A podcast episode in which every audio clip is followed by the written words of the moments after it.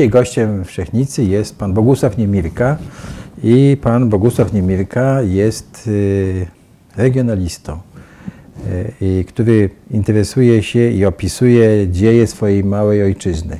A pomysł naszego spotkania wynikł stąd, że, proszę państwa, koło gospodyń wiejskich w Czaplach, wiem, że Czapli jest kilka. Czaplach Androlewicza, bo to jest Czapli ważne Androlewicza, na moim tak. Podlasiu. E, Koło postanowiło zrobić spotkanie właśnie z y, regionalnym, z badaczem dziejów regionalnych, panem Niemirką, na temat. Dawne dzieje dawne dzieje, czy tej chodziło, chodzi, miejscowości, chodzi o rok e, tysiąc... tych rodzin, bo podejrzewam, że No tam właśnie. co drugi, który przyjdzie, to pewnie mój daleki, daleki jakiś kuzyn. O, do tego wrócimy jeszcze, ale chodzi nam o to, że prawda, koło gospodyń wiejskich, no to wszyscy z przymrużeniem oka zawsze mówią, że to jest gotowanie, śpiewanie e, i, i, prawda, i takie pr- proste rzeczy, a tu nagle koło gospodyń wiejskich za- zaangażowało się i postanowiło zająć historią, się historią e, lokalną. No, chciałem powiedzieć, że nie, no nie trzeba tak lekceważyć e, kół No gospodyń właśnie, o wiejskich. tym mówimy, tak, no więc po prostu E, są Bo to... naprawdę to jest no, tak zwany, szumnie się mówi, duży potencjał. Tym Tak, bardziej, że wieś, wieś się po pierwsze wyludnia, po drugie uciekają tam ludzie, zwłaszcza tacy młodzi, rzutcy, najbardziej przedsiębiorczy. A działalność kół gospodyń wiejskich y, to jest taka trochę działalność niższowa, ale to powoduje, że wiele pozytywnych inicjatyw y, tam się Tak. toczy. A po drugie, ci ludzie na miejscu czują, że mają swoje miejsce na ziemi. No, Jasne. I, I powinni tam zostać, bo nie wszyscy Jasne. uciekną przecież do Ale- Anglii, do Irlandii czy do Warszawy. No. Tak. Proszę pana, ale e, wracając do e, pana zainteresowań i tym, czym się pan zajmuje, to od czego to się za, zaczęło? I skąd pan w ogóle się tam wziął? I skąd się wzięło to zainteresowanie historią lokalną i tą historią małej ojczyzny, bo no, ma pan o, o, o, dość duży dorobek, wystawy w Polsce, za granicą, e, o Sienkiewiczu, o księdzu Brzusce, o, o dziejach lokalnych. Skąd to się wszystko wzięło u Bogusława Niemirki, Tak. rodem z zaścianka Niemirki, nomen omen, e, nazwa miejscowości pochodzi od, od e, nazwiska, a wcześniej imienia, bo Niemira, Niemirka to było dawne imię takie starosłowiańskie, które później wyszło z użycia. E, A skąd to się wzięło? Ja jestem podlasiakiem, tak my to nazywamy, z, z krwi i z kości.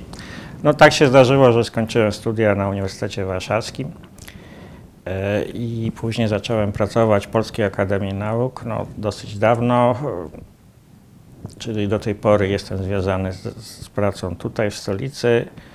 E, Natomiast e, nigdy nie zapewniałem skąd pochodzę i, i krótko mówiąc nigdy nie nazywałem się warszawiakiem, bo to nie jest mi potrzebne. Ja, Natomiast, no, nikomu nie natomiast, natomiast zawsze mówię, że jestem z Podlasia, z tej dawnej ziemi No proszę pana, ale jakie, jakie Podlasie? Przecież Mazowsze to jest dzisiaj. No nie, to No właśnie, co to? To są takie późniejsze podziały administracyjne, które zamazały ten pierwotny układ. No, dawniej było Podlasie. Pod Lachami to się tam, mój przyjaciel dr Tomek Jaszczoł, to tam sz- na- najszerzej to dzisiaj to opisuje, te wszystkie historie od czasów XIV-XV wieku.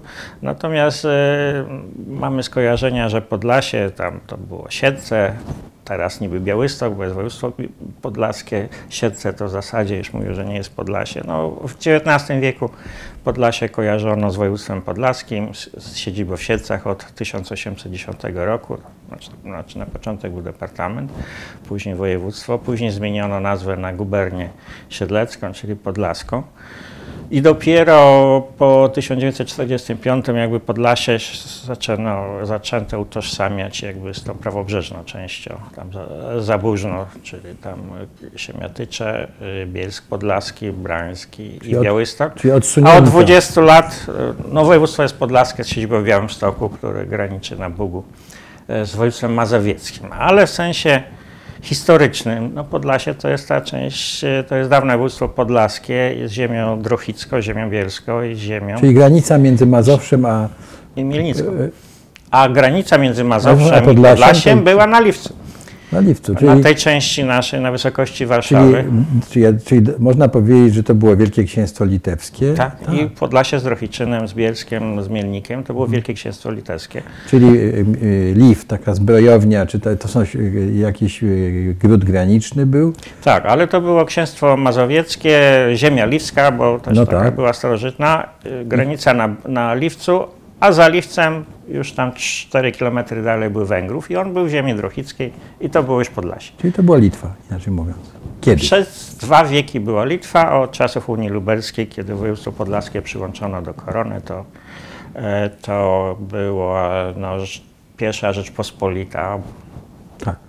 a w zasadzie mieszkańcy tych ziem jeszcze za czasów Wielkiego Księstwa, no, większość pochodziła z Mazowsza, z tego osadnictwa e, dr- drobnego rycerstwa.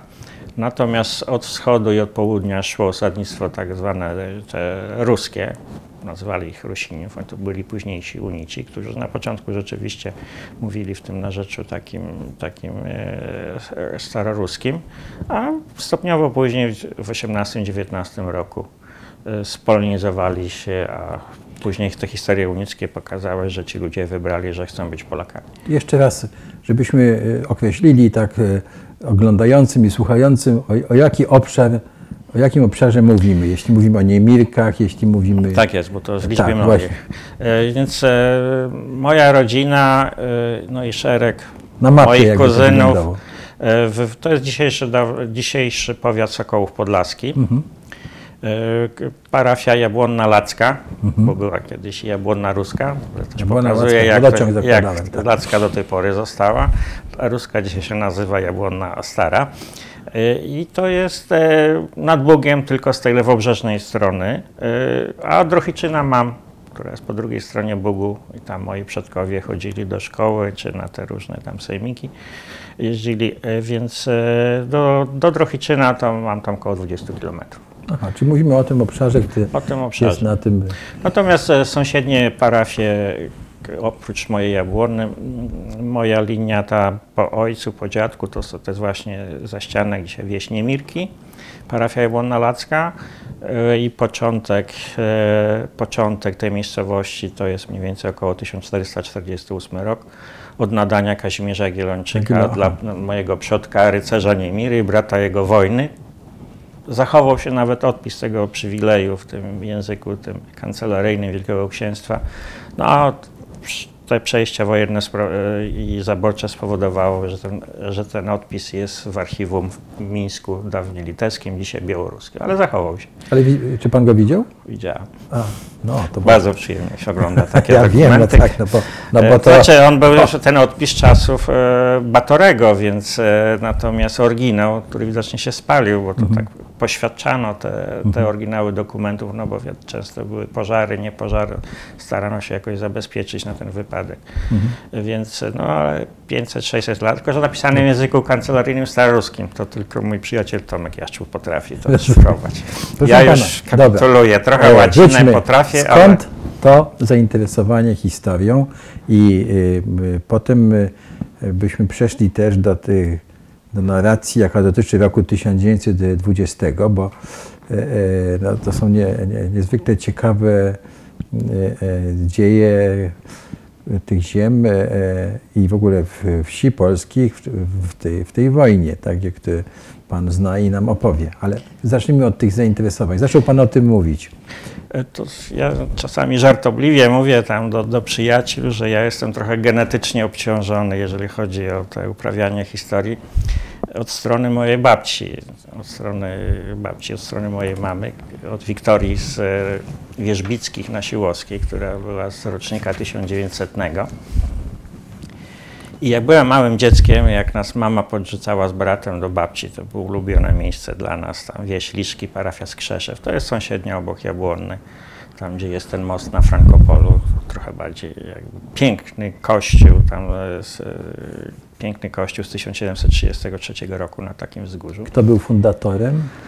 Znaczy parafia była z czasów Witolda, natomiast to była wieś później biskupów łódzkich, którzy Mhm. mieli siedzibę w Janowie Podlaskim i biskupi łódcy to tam gospodarowali. I Tam to prawie oni zbudowali ten kościół. Nie, tak? ale natomiast e, ten kościół piękny podobny jest Mordach, myślę, że ten sam Mhm. architekt ten robił projekt, y, pobudował y, kasztelan Godlewski, Godlewski. który miał, znalazłem jego testament, gdzie jest zresztą cały opis, bardzo rzadki, bo z takimi szczegółami, gdzie on chce, żeby postawiono kaplicę po prawej stronie czy po Mhm. lewej, a zaczął od tego, że tam, gdzie go doznał łaski od Matki Boskiej w kościele skrzeszewskim i Mhm. później w testamencie zapisał pokaźną kwotę, żeby jego siostrzeniec Ciecierski właśnie ten, Ten kościół, wybudował. wybudował. No, no tak. Dobrze, to wróćmy teraz do babci i do e, tych. I otóż moja babcia ukochana, zresztą Wiktoria, moja córka też jest dlatego Wiktoria, Mhm. e, więc e, jak ja byłem mały, a lubiliśmy tam bardzo u babci te wakacje przebywać,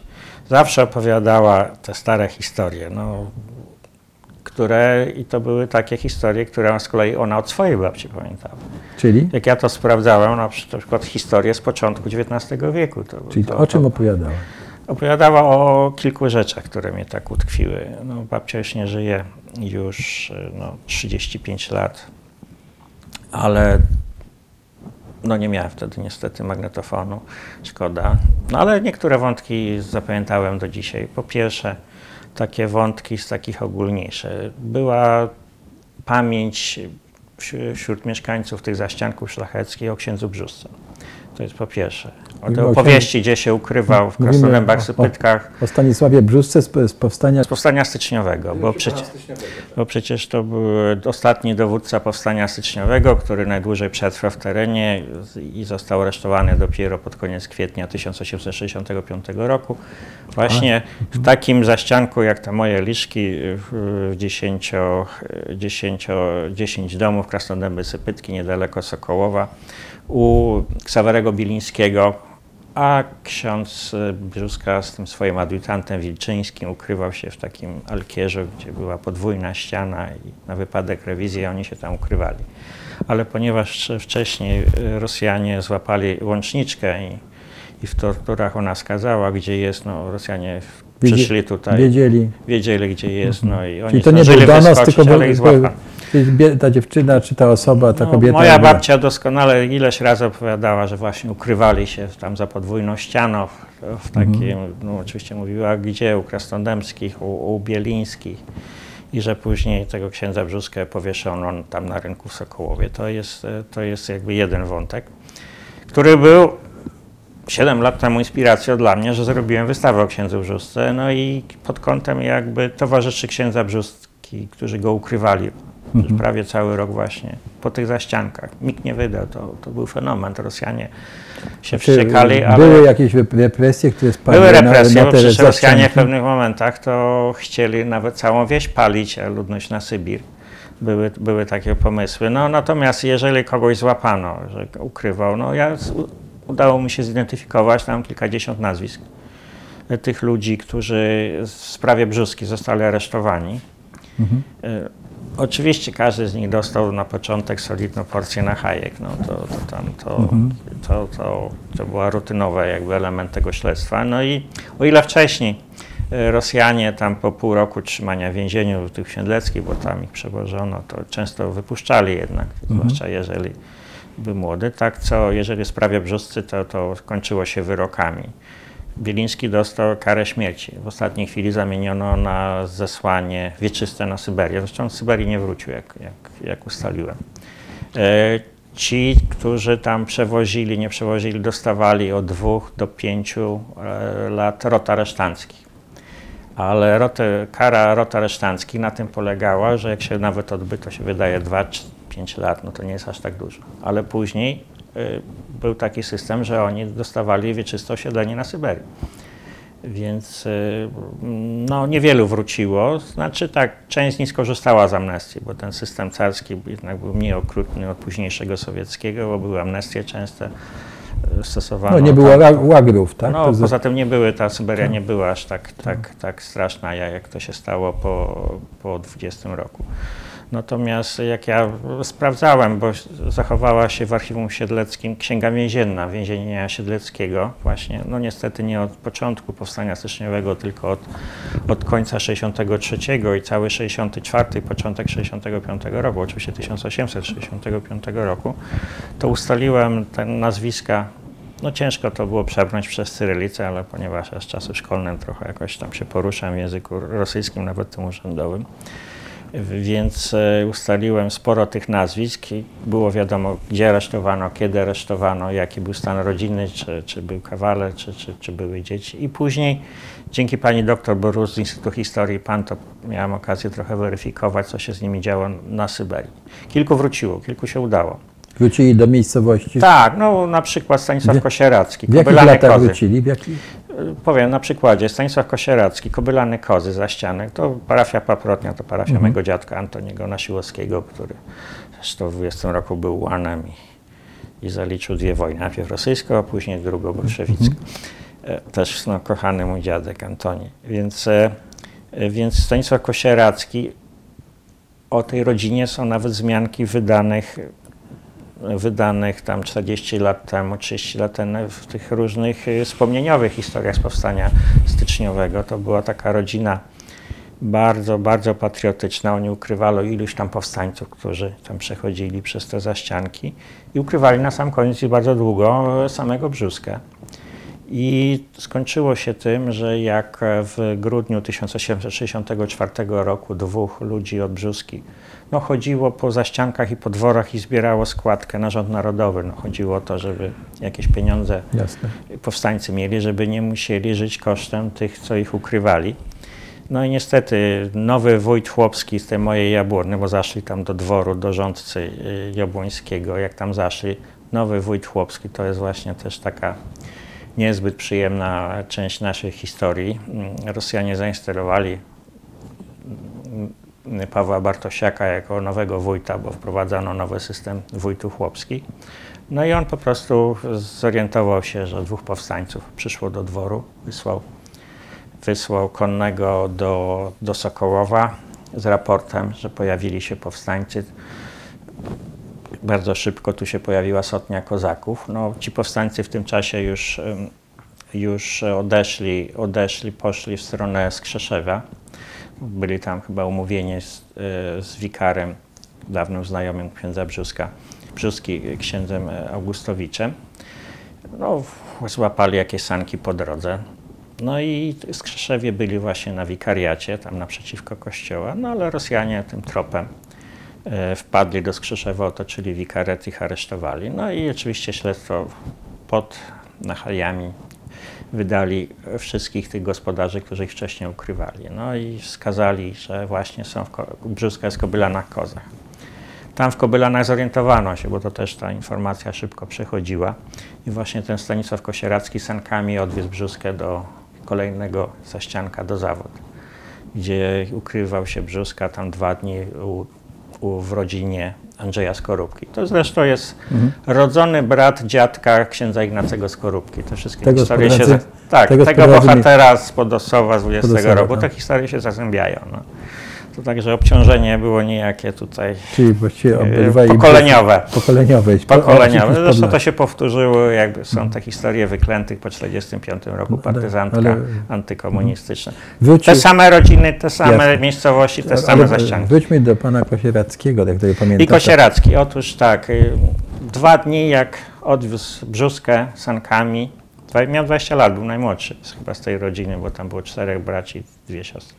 Więc e, wpadli tym, tym tropem Rosjanie, aresztowali wszystkich domowników. No ojciec już nie żył, ale matka później, oczywiście śledztwo, sąd, matka jego dostała rok więzienia tam w Brześciu, tak zwany dom poprawczy, bo dla kobiet to trochę było inaczej. Natomiast on dostał, ponieważ był młody, no 20 lat to, to w, w tamtych realiach Tak, traktowano trochę jako jeszcze, jeszcze nie był pełnoletni. Więc e, dostał wyrok dwóch lat rot aresztancki, ale później z perspektywą, że zostanie na Syberii. Mhm. I pojawia się tutaj, bo do, bardzo ciężko tam w tych archiwach syberyjskich natrafić na, na te teczki osobowe, bo nie robiono, to trzeba szukać w gąszczu tych całych spraw. Ale pojawia się jako świadek na ślubie swojej siostry 1869, a wiemy, że w Aha, czyli po 1969 pięć- po pięciu była, była duża amnestia. Miał szczęście, bo Tak, nie dwa lata bo mało kto się z tego skorzystał. No. Mało kto z tego. Z tych zawad, co aresztowano, kilku ludzi, samego, sam Skorupka się widać chyba wykręcił sporą łapówką. Mhm. Bo przyjechał jego brat, widocznie potrafił rozmawiać z tymi czynownikami. Zresztą przekaz rodziny były takie, że tam połowę gospodarstwa musieli sprzedać. I- Ale krótko mówiąc, wykręcili się, natomiast jego sąsiedzi, taki, taki na przykład z rodziny Plutów, jak sprawdzałem, był sołtysem i dostał 5 lat za to, że był sołtysem i nie doniósł. Czyli jako, jako funkcyjny i nie doniósł, to dostał 5 lat i on już nie wrócił. Jest tam później z, Znaczy pojechał na Syberię, tam umarł. no i tam umarł, Tak. bo to często były historie. Z sąsiedniego Borychowa też ukrywał, dostał 4 lata, też wiem, że nie wrócił, ponieważ tam pojawiło się w dokumentach, że wdowa, czyli przyszła tylko wiadomość krótka, że gdzieś został na Syberii i, i, Mhm. i tyle. Natomiast Kosieracki wrócił, ale skończę z nim, bo wiem, że się ożenił. Wiem, że później w Rozębach, w parafii Wyrozęby, tam sąsiednia, jeszcze kolejna, to też tam iluś tam moich kuzynów do tej pory tam e, żyje. E, Parafia właśnie Błonna, Skrzeszew, Wyrozęby, to jest taki jeden ciąg i Paprotnia. E, Tam w parafii Wyrozębach się pojawił, że chrzcił swoje dziecko 1800 około 1880 roku, później jakby zniknął. Szukałem parę lat. E, Tak miałem przypuszczenie, że może gdzieś zainwestował w jakieś gospodarstwo inne i się inne, strony. bo aktu zgonu nie znalazłem, a, a kwerendę zrobiłem z tych, z tych parafialnych, z moich stron, na taką wszechstronną. I teraz dopiero e, przy, w kontakcie z panem Adamem Panasiukiem, który, e, który jak z internetu, no internet jest bardzo dobrym teraz źródłem, instrumentem właśnie zbierania tych wątków historycznych. No, zrobił bardzo, no uważam, bardzo profesjonalną, bardzo... Pan Wiktor Pan- Panasiuk, dobrze zapamiętałem? To Adam, Adam Panasiuk. Panasiuk. On zrobił, on dostał nagrodę chyba Ale 7 mówimy lat. o y, y, z Włodawu. No właśnie, bo- zadało, ale się okazuje, jak z nim rozmawiałem, bo dzięki jego tam poszukiwaniu, e, skończę ten wątek, on zrobił bardzo dobrą stronę historyczną swojej gminy, skąd pochodzi, gmina Urszuli. To tam już koło gospodyń też się pojawiło, tylko przy okazji wizyty premiera, tylko że akurat koło gospodyń nie było stamtąd. No, taka humorystyczna rozumiem. sytuacja. Ale e, pan gospodyń- Panasiek, jak z nim rozmawiałem, bo tam w końcu, w końcu ustaliłem jego telefon i o tym łanie, który z tamtych stron zginął właśnie tu nad Bugiem z Krzeszewie w 20 roku i zeszło na taki wątek wcześniejszy i później się okazało, że tam właśnie w jego gminie, jak on te wszystkie miejscowości historię rozpoznawał, pojawiła się po 1870 roku rodzina Kosierackich, tam dwóch braci. Jednym z nich był właśnie ten Stanisław. Ten, który, Ten, którego szukałem. zost- został aresztowany za... Wrócił, e, trochę pobył w stronach rodziny, po czym no, przeniósł się pod Włodawę. Czyli to jest pasjonujący trop, bo to... Powtórę. e, e, Znalazł się akt zgonu. Się okazuje, że zmarł dosyć wcześnie, bo Aha. 1885 rok, a ponieważ dostałem jakby tutaj wskazówkę, ponieważ już te, te lata dawnych ksiąg metrykalnych, akty zgonu parafii Wereszczyn są już nawet zdigitalizowane i są w ramach Szukaj w archiwach, można do nich nawet w internecie, więc błyskawicznie Dobrze, to... to przeczytam. Ale jego brat tam został i jego brat dopiero zmarł w 1928 roku, więc, A, czyli już w wolnej Polsce. czyli w wolnej Polsce. Długo żył. Proszę pana, ale to w takim razie rozumiem, że tu prześledziliśmy rolę, e, e, znaczy do, dole czy losy tak, jednego, jednej osoby, jednego, który został aresztowany z sprawy księdza Brzuski, został e, skazany e, przez sąd tu, No, rosyjski rosyjski, pojechał na. Syberię, wrócił i Zaraz wrócimy też do tej babci, bo od tego zaczęliśmy, tak? O to, że babcia, bo mówiliśmy o babci, o tym, że babcia opowiadała o księdzu Brzusce, ale w tej naszej rozmowie pojawił się taki ciekawy wątek tego wójta chłopskiego, który wydał, e, e, czy wezwał tą e, kozaków. No w zasadzie można Tak, powiedzieć, ale- że wydał dwóch ludzi Tak. najbliższych księdza Brzuska. I na to wszystko nakłada nam się historia polskiej wsi, no i akt uwłaszczenia, tak? Czy to było przed aktem e, zniesienia To znaczy- pańszczyzny, czy po? to znaczy- I dlaczego, jak to się stało, że ten, e, skąd się wziął ten wójt chłopski? Czy to było e, tak jak w powieści, rozdziobią nas kruki wrony, że ci, ci chłopi tego powstania nie, nie rozumieli i donosili, nie lubili tych powstańców? Czy był ten, jak pana zdaniem, w ogóle, czy, czy, ty, czy akt uwłaszczenia na, w Podlasiu, gdzie były te przysiłki i, i, i gospodarzone na swoich gruntach, czy w ogóle to tam e, chłopi na tym zyskali? Jak, To znaczy na Podlasiu była sytuacja specyficzna. E, Mianowicie tam część e, ludności była pochodzenia i w tradycjach drobnoszlacheckich, czyli oni wcześniej za pierwszej Rzeczpospolitej należeli do tego stanu przywilejowanego. Byli ludźmi wolnymi. Mhm. Ale ale byli- ale byli biedni, Byli biedni, ale gospodarstwa były ich. Chłop tylko uprawiał u dziedzica, własność była. oni sami to własność- uprawiali, tak? Sami to uprawiali. No oczywiście też była, była między nimi, y, były różnice, były rodziny bogatsze, były rodziny biedniejsze. Krótko mówiąc, to też odgrywało swoje, swoje znaczenie. Natomiast w sferze takiej świadomościowej, to, to każdy z tych y, źródeł wspomnieniowych i nie tylko, to było tak, że oni się czuli ludźmi wolnymi. I było, ja to pamiętam z opowieści mojej babci, było i dziadka, e, który tam z sąsiedniej parafii był, pochodził z Nasiłowa.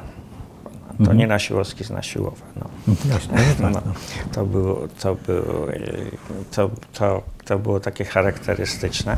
Natomiast oni mieli świadomość i była pamięć o tym, że ich przodkowie wybierali królów, żeby byli uczestnikami wolnej elekcji. Nawet jak są spisy, tak, tak zwane sufragia w, tych volumina legum, tych starych z pierwszej Rzeczpospolitej, to ileś tam nazwisk się powtarza, bo nawet no to nie było aż tak daleko, żeby nie dojechać do Warszawy. No i I jeździli, Ci bardziej, jak to się mówi, Jeździli- rezolutniejsi, Nie, bo- brali udział w wolnych elekcjach i pamięć o, ty, o tym o, e, była. Jeździli, wirtum, czy, czyli osobiście się stawiali na No elekcje. może nawet i piechotą szli, no bo Naprawdę tak, ale nie, bo od jakiegoś czasu można było też wybrać No, swoich przedstawicieli, było którzy... tak, że nawet ten e, szlachcic bez jakiegoś majątku, który nawet e, tego nie sprawdzano, czy ma wieść, czy nie, a był szlachcicem. To jechał, E, wybierał. Miał prawo wybierać królów i świadomość o tym była. I dopiero jak weszli tutaj Rosjanie, te wszystkie dawne przywileje, te szlachty, no praktycznie oni wygaszali. Dwa, jak prowadzili proces weryfikacji szlachectwa w Heroldii Królestwa Polskiego, no to ta drobna szlachta nie miała szansy, żeby Udowodnić żeby, swoje... no, pierwsze nawet ze względów czysto majątkowych to wymagało pieniędzy, to wymagało skrupulatnych Mhm. nieraz kwerent, jeżdżenia, szukania metryk, udowadniania i Czyli można powiedzieć, e, Rosjanie, zaborcy ich schłopili, tak? tak, W pewnym to- sensie Przecież dokumentu. Rosjanie to uważali, że to jest najbardziej niebezpieczna warstwa społeczna, bo te patriotyczne tak zwane odczucia Unii w tej warstwie drobnoszlacheckiej były stałe. I, I zawsze do powstania to, a ta drobna szlachta była liczna, bo to przecież nie tylko ten, e, ta, ta część Siedleckiego, ale przecież Łomżyńskie, no, przecież także i na północnym Mazowszu to przecież było charakterystyczne. Tak. I każde powstanie, zwłaszcza styczniowe, zwłaszcza Podlasie, to wskazuje, że na Podlasiu dlaczego powstanie trwało najdłużej? Właśnie ponieważ miało bazę społeczną, ponieważ e, no, powstanie styczniowe ma swoich historyków, profesor Kieniewicz, który to bardzo skrupulatnie e, to opisał, no ale są konkluzje takie, wieś generalnie powstania nie poparła. Tu wspomniałeś o Żeromskim, Tak. o rozdziobie na skruki i wrony. To jest, tak było. E, To już nie chodzi o to, że ten biedny chłop to dla niego Polska to było puste hasło, no, krótko mówiąc. E, Po drugie był biedny, to tam jak nawet, e, to nawet jak mógł skorzystać z tego porzuconego dobra po powstańcach, no to skorzystał. Natomiast na Podlasiu jeszcze był taki, był taki aspekt pod tytułem e, to była końcówka systemu pańszczyźnianego, czyli byli chłopi pańszczyźniani do tej pory, którzy no, tej płaszczyzny nienawidzili. Obrabiali te pola, ale to nie były ich pola, to nie było tytułu Jasne. własności jak w zaściankach. Nie mogli tym, tak, tym sprzedać. Dziedzic mógł wszystko zrobić, e, zrobić z, e, z ich gospodarstwami. I dopiero no, owszem, jest ten manifest e, rządu narodowego w 1863 roku, który tam deklarował, że staną się, stają się właścicielami, ale w praktyce nie miało to żadnego znaczenia. W praktyce to wyko do wykonania takiego realnego nie doszło. Oczywiście zaprzestano, zaprzestano wykonywania pańszczyzny i dwory ziemiańskie nie egzekwowały tego, ale później Rosjanie to wykorzystali, żeby zdusić powstanie właśnie, żeby, żeby rozdzielić jakby, żeby chłopów przeciągnąć na mentalnościowo na stronę propaństwową, czyli rosyjską, przeciwko, przeciwko tym elementom patriotycznym, że car ukazem e, z lutego 1864 roku jakby to przeciął, po prostu nadał tytuł własności chłopom w formie takich własności osad chłopskich, e, czyli tego, co oni uprawiali. I zarazem utrzymując prawa do tak zwanych servitutów, do tych służebności, czyli tam wypasania, e, mhm. wypasania na gruntach dworskich czy w lasach dworskich inwentarza, czy korzystania z tego drzewostanu. I to było bardzo mm, wprowadzane w życie też specjalnymi metodami przy zastosowaniu, no, mówiąc dzisiejszym językiem PR-u, że to car dobrodziej, mhm. że, tu, że tu panowie polscy ciemiężyli tyle pokoleń chłopów, a car jakby wbrew tym ciemiężycielom daje chłopom po pierwsze wolność, co prawda no, wolność osobista mieli od czasów Napoleona, ale to w sensie materialnym chodziło głównie o prawo własności do, do tych chłopów. Dwa, ustanowił ten cały system komisarzy włościańskich, do których chłopi, mogli się odwoływać i z tego korzystali. A po trzecie wprowadził nowy system gmin. Ja trochę no, ten temat e, szczegółowo rozpoznawałem, nawet e, przez różne kwerenty w archiwach. No więc to polegało na tym, że bo wcześniej, owszem, były gminy, ale najczęściej wójtami to zostawali dziedzice tych majątków, które tam były, albo oni ustanawiali tych swoich zastępców i to w zasadzie było pod kontrolą dworu. Natomiast Rosjanie jakby przecięli to, że każdy, żaden ziemianin w zasadzie nie miał prawa zostać, nawet nie miał prawa głosu w zasadzie na, na tych zebraniach gminnych. Mówimy już o okresie po powstaniu... 1864, ale na Podlasiu to jeszcze działa brzuska przecież cały czas. Mhm. To były takie historie, że jak był ukaz, wprowadzano to oczywiście e, Rosjanie w tych okulnikach, znaczy w terenie na tam na Podlasie rządzili tak zwani naczelnicy wojenni. Administracja mhm. cywilna w zasadzie była tutaj wyłączona, nie miała nic do gadania. Rządzili ci porucznicy czy, czy, czy kapitanowie tam wojsk rosyjskich. E, tu w Siedcach rządził generał Maniukin, więc, e, więc wprowadzano w życie ten ukaz o gminie w ten sposób, że właśnie naczelnik tam przyjeżdżał z kandydatem na tego komisarza, najczęściej to był też jakiś emerytowany wojskowy, bo, bo innych zresztą ludzi nie miało, a dobrze im płacono, więc e, jeździli po wsiach i odczytywano ten najpierw po rosyjsku, później w tłumaczeniu polskim, jakby deklarując tym chłopom, że tu właśnie dobrodziejstwo ze strony e, władzy carskiej spotkały, że car jest tym Car jest tym właśnie wybawicielem chłopów. I skutki były już e, szybkie. To był gdzieś mniej więcej kwiecień 1864 roku w terenie, jak zrobiono ten nowy system e, gmin. I na części pierwszymi wójtami to, to nie na tym nie na tym polegało, że chłopi tam wybierali. Praktycznie to byli ci kandydaci, których wskazał dany naczelnik wojenny. Ci chłopi tam w zasadzie nie mieli nic do gadania. I kto tam wcześniej się kręcił przy, przy tych komendach wojskowych, zostawał.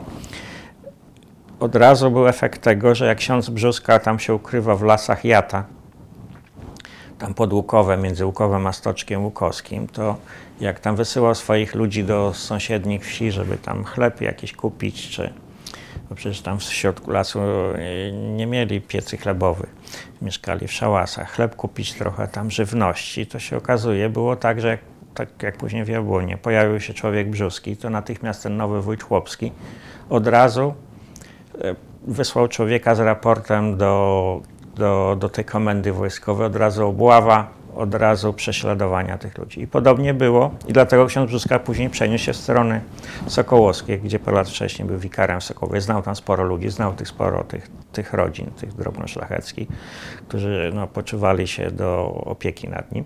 I tu mamy właśnie tydzień przed e, Wigilią Bożego Narodzenia w 1864 rok. Ksiądz Brzuska wysyła dwóch ludzi z tych, e, z, wtedy w Zawadach był właśnie u Skorupki. Najpierw poszli do Repek, co później się wydało i, i w dworze Doria Dernałowiczów Repki znana miejscowość, o czym za chwilę powiem. Dostał, dostali nawet chyba tam 2000 zł na składki na rząd narodowy. To później wypłynęło w śledztwie. E, I później poszli właśnie przez Borychów, poszli do Jabłonny. No i tam pojawili się obcy ludzie. Wójt się zorientował, natychmiast wysłał jakiegoś konnego do Sokołowa.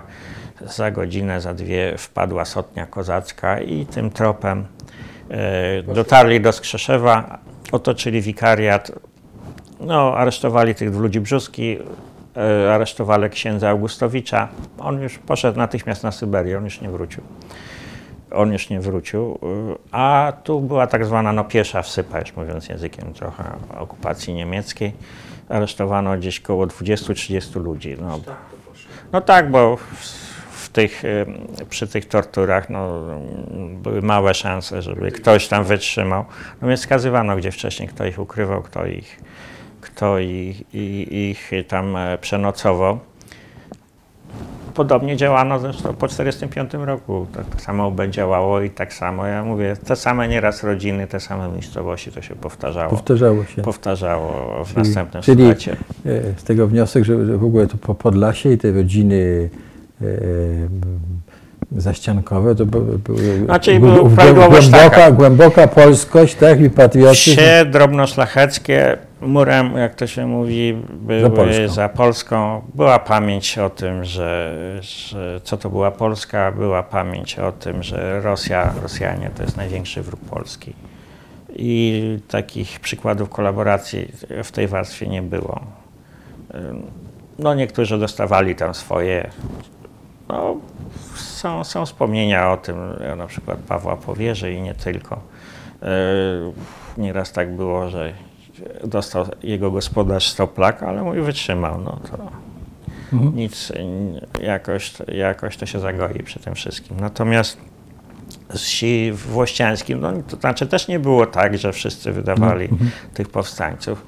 E, to no, można powiedzieć, że wieś była generalnie obojętna. To, mhm. to świadomość tej pańszczyzny, nie pańszczyzny, to tylko wyjątkowo tam, gdzie dwór jakby bardziej się dbał o, o chłopów. To tam było lepiej. To tam było lepiej, to było, to było zdecydowanie lepiej. Poruszyliśmy całą Natomiast masę... ci czynownicy nowego, nowego porządku, czyli jakby nowi wójtowie, to oni byli po to ustanowieni, żeby właśnie donosić, do, pełnić tak. funkcję funkcje. Policyjne, tak. No tak, tak, tak policyjne. I tak było mhm. zresztą do końca rządów rosyjskich. Mhm.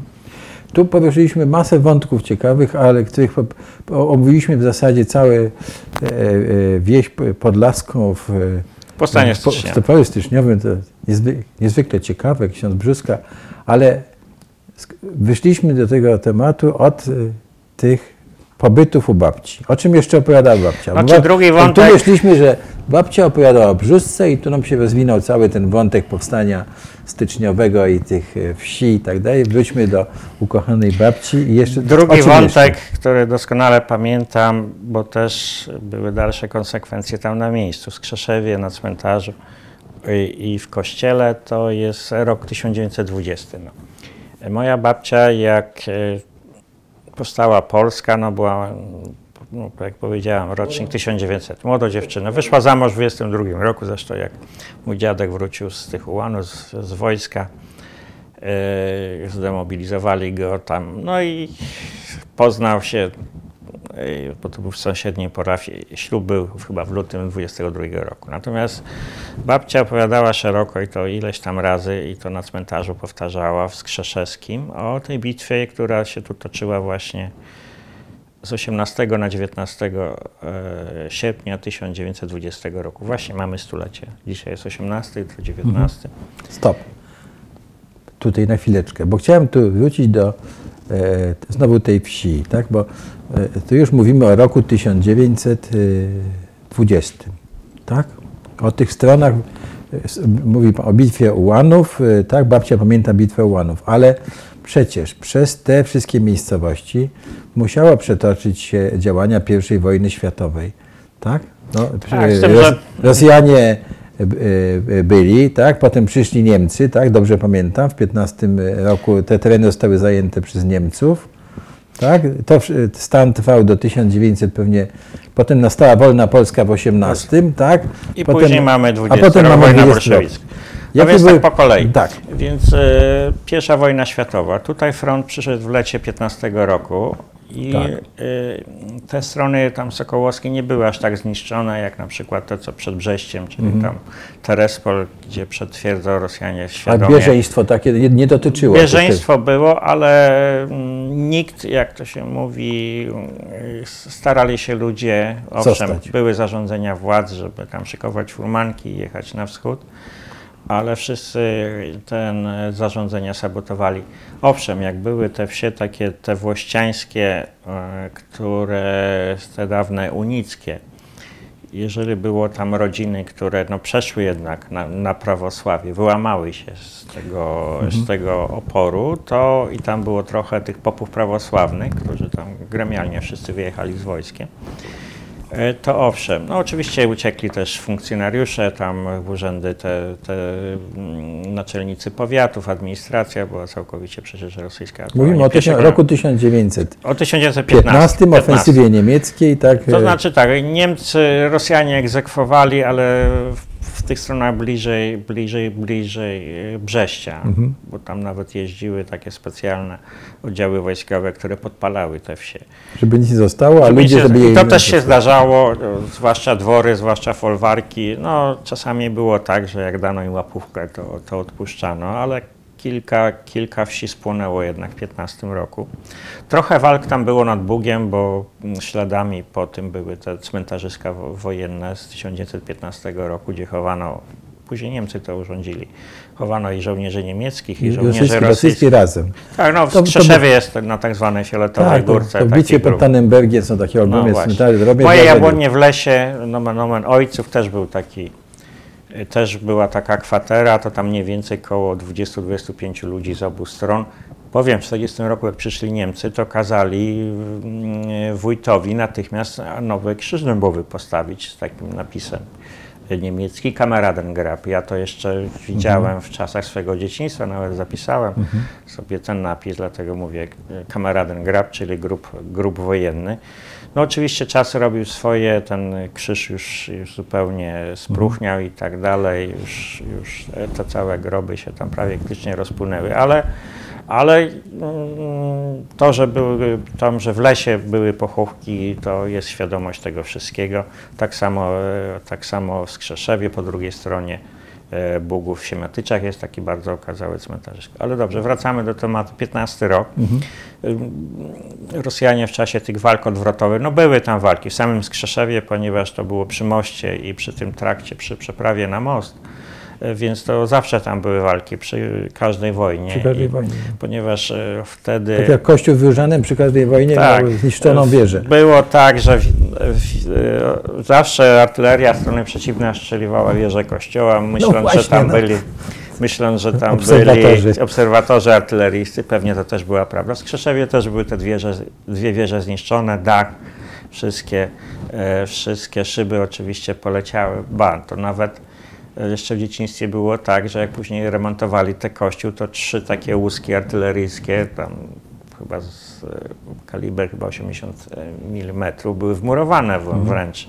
wręcz. Chyba tam jeszcze jedna czy ze dwie do tej pory została. Tak, w wielu, Ludzie w się wielu miejscach w skąd. Polsce tak to zrobili. To, to właśnie to jest pamiątka po 1915 i część tych zabudowań centrum wsi spłonęło między innymi te chyba zabudowania tam niektóre, wik- wikariat chyba spłonął, taka ta organistówka, Mhm. także dopiero w 20 latach to odbudowano. Tak, czyli mamy, Niemcy wkraczają. Niemcy wkraczają, no Niemcy ustanawiają swoją administrację i, i ta administracja, no zresztą wiemy z tych źródeł, nie była aż taka, taka okrutna i taka straszna, jak było w następnej wojnie. E, Dwa, no Niemców było mało, więc, e, więc było No nie, to była, to Była byli, obsada to byli, żandarmów umówmy się, w że, powietrze. że to byli zupełnie inni Niemcy. zupełnie inne. Tak, No i e, było ich mało po Było pierwsze. ich mało, poza tym była coś takiego jak wkrótce Rada Regencyjna i w zasadzie Tak. administracja Tyle, że egzekwowali te świadczenia materialne, Dla wojska. jak to się mówi, dla wojska, dla, dla Heimatur, dla Niemiec.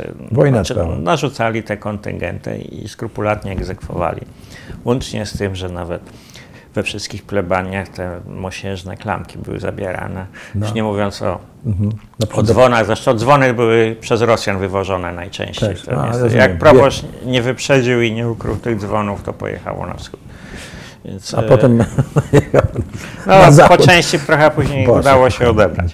E, Więc e, natomiast e, pozytywem czasów niemieckich było to, że Niemcy mieli bardzo sprawną administrację. Niewielką i był ten landrat, ten starosta niemiecki. I jedna rzecz, ja się zawsze tym interesuję, tym scalaniem, tylko masacją, bo to przecież e, największy problem gospodarczy na wsi to było rozdrobnienie gruntu, szachownica tak zwana. I właśnie zaczęto komasować jeszcze na zasadzie komasacji prywatnej jeszcze przed pierwszą wojną. Natomiast Niemcy się za to nabrali i te prace komasacyjne trwały w czasie wojny, o czym mało kto wie, ponieważ Niemcy to nadzorowali, czasami inspirowali, także ten Goethe, mimo że toczyła się wojna, jeszcze w 16-17 roku tak, te, te czynności y, prowadzono. Tam zresztą był inżynier powiatowy, który to Jasne. zatwierdził. Ja rozumiem, że w roku 16, 17 i pewnie część 18 to na tych terenach pa- panował pokój, tak? Ludzie gospodarzyli, spokój, no płacili, kont, y, oddawali te kontyngenty y, tak, n- y, Niemcom, natomiast front i Niemcy byli daleko na wschodzie. No tak, Tak, tutaj i- groza wojny nie docierała. Nie docierała. Y, Jeszcze jedna rzecz pozytywna strona czasów rosyjskich. Powstały szkoły. Rosjanie, Rosyjskich czy niemieckich? y, raczej no, Niemieckie. niemieckie, niemieckie. Powstały szkoły. Rosjanie wcześniej, jak to się mówi, nie pozwalali na tworzenie szkół. Więc no, dlatego była taka... To gdzie się nie było w ogóle edukacji za czasów e, Znaczy rosyjskich? za czasów rosyjskich była tam jedna szkoła tak zwana przy gminie, która no, na początku uczono trochę w języku polskim, ale dobrowolna, a później wprowadzono język rosyjski. A na tych moich terenach, tam właśnie tutaj nadburzańskich, to było tak, bo jak się pojawiły, pojawiła się sprawa unicka po 1875 roku, to Rosjanie nie pozwalali, żeby nauczycielem został Polak. To byli tylko Rosjanie. To była część rusyfikacyjna, Rusyfikacyjna, część, mhm. część akcji rusyfikacyjnej. Więc e, mało kto wysyłał dzieci do szkoły, a nawet jak gdzie- to- wysyłano. to- no, mamy Żeromskiego, Syzyfowe prace, Tak. jak taka szkółka wyglądała. No. tak. E, Więc e, i to się nie zmieniło. W 1905 były próby trochę rozluźnienia tego w ramach tej rewolucji 1905 roku, ale szybko później Rosjanie, Rosjanie cofnęli te tak, tak. swoje te ulgi. Natomiast Niemcom, Niemcy da, dali wolne pole. Jak chcą Polacy się organizować, to proszę bardzo. Powstała od razu sieć szkół Pol, z językiem z polskim, językiem polskim. No, programem polskim, tak? Uczyli, uczyli, uczył kto mógł, czyli poziom był różny, czasami zupełnie osoby przypadkowe. Nie było oczywiście budynków szkolnych, no bo tam jak było, była, y, była klasa szkolna, najczęściej budynku gminy, e, to oczywiście jak kilkadziesiąt dzieci to się tam nie mieściło. No ale krótko mówiąc, za, zaczęto ten cały dwa, w, nawet w takich małych wsiach, wynajętych e, izbach e, chłopskich e, te szkoły, te szkoły powstawały. No oczywiście tak jak w tych zaściankach było tak, że czasami gospodarze się skrzykiwali, po cichu prowadzili, wynajmowano jakiegoś starego człowieka, żeby trochę, żeby trochę te dzieci Za, za czasów rosyjskich. Za czasów rosyjskich to Czyli było ścigane. nauczanie było. To było, to było ścigane, no ale część tych ludzi wyróżniała się na tle wsi chłopskiej, że potrafiła po polsku coś napisać. Po- To widać zresztą na przykład w faktach notarialnych, czy są podpisy, czy jest formuła niegramotny. Tak samo w aktach metrykalnych. Te wsie szlacheckie mm, starali się, oczywiście, oczywiście dostęp do szkół był generalnie dla nich odcięty, no bo nikogo nie stać było, żeby wysyłać dziecko do, do gimnazjum rosyjskiego z językiem rosyjskim. No, a wcześniej trzeba było to dziecko przygotować, no więc mało, mało, kto, mało kogo było na to stać, no chyba, że był jakiś krewniak, czy tam y, ksiądz i tak dalej. To, to były takie awanse z tej warstwy drobnoszlacheckiej. Natomiast 916 rok spowodował, że powstała sieć szkół, która po 18 roku państwo polskie to przejmuje jako inicjatywę. Czyli można powiedzieć, że e, już w 16 roku pod okupacją niemiecką I wojny światowej system edukacji zaczął e, kształcić e, tak, wiejską to, to ludność. 16, tak? 17 rok. No w 17 roku zaczynają powstawać po- w tych miastach powiatowych z kolei najczęściej gimnazja to jest. To Mhm. Niemcy zresztą- na to pozwalają. Niemcy na to pozwalają, nie, nie robią żadnych przeszkód. No Mhm. oczywiście tam nie dokładają tam żadnych pieniędzy państwowych, to wszystko było inicjatywy oddolne. Ale też już e, te warstwy inteligencji w tych miasteczkach, w tych miastach, no księża, księża tutaj wielki Mhm. wkład w to włożyli, bo oni najczęściej byli takimi liderami e, tych społeczności lokalnych, ich autorytetu uznawano. Więc e, w Węgrowie, Sokołowie, we wszystkich, we wszystkich tych miastach powiatowych powstawały takie, powstawały takie gimnazje i później one kontynuowały swoją działalność po 18 roku. No i do tej pory działa właśnie teraz czyli- stulecia po kolei święcą. Czyli w ten sposób omówiliśmy sobie, co się działo, Kolejna rzecz to są straże pożarne te ochotnicze. kiedy właśnie, one powstawały. Też właśnie za Niemca. 16-17 rok. Mhm. To wysyp i to nie tylko w tych miejscowościach, gdzie były siedziby gminy. Mhm. A później się okazało to ważne, mianowicie kadra tych straży pożarnych, to najczęściej tam y, młodsze pokolenia, e, po cichu przystępowała do POW. A później, jak przyszedł listopad 18 roku, Ale- ale- sz- szła od razu na ochotnika do wojska. Zaraz, wrócimy teraz, bo, bo podsumowując, omówiliśmy sobie, co się stało pomiędzy y, 14 rokiem, y, czyli 15, kiedy była ofensywa niemiecka. Te tereny, o których mówimy, znalazły się pod okupacją Także niemiecką. I tu wracamy się, do tu się dużo, Wieśliszki. dużo, dużo zmieniło. Wieśliszki. Nie, proszę, y, wracamy do babci.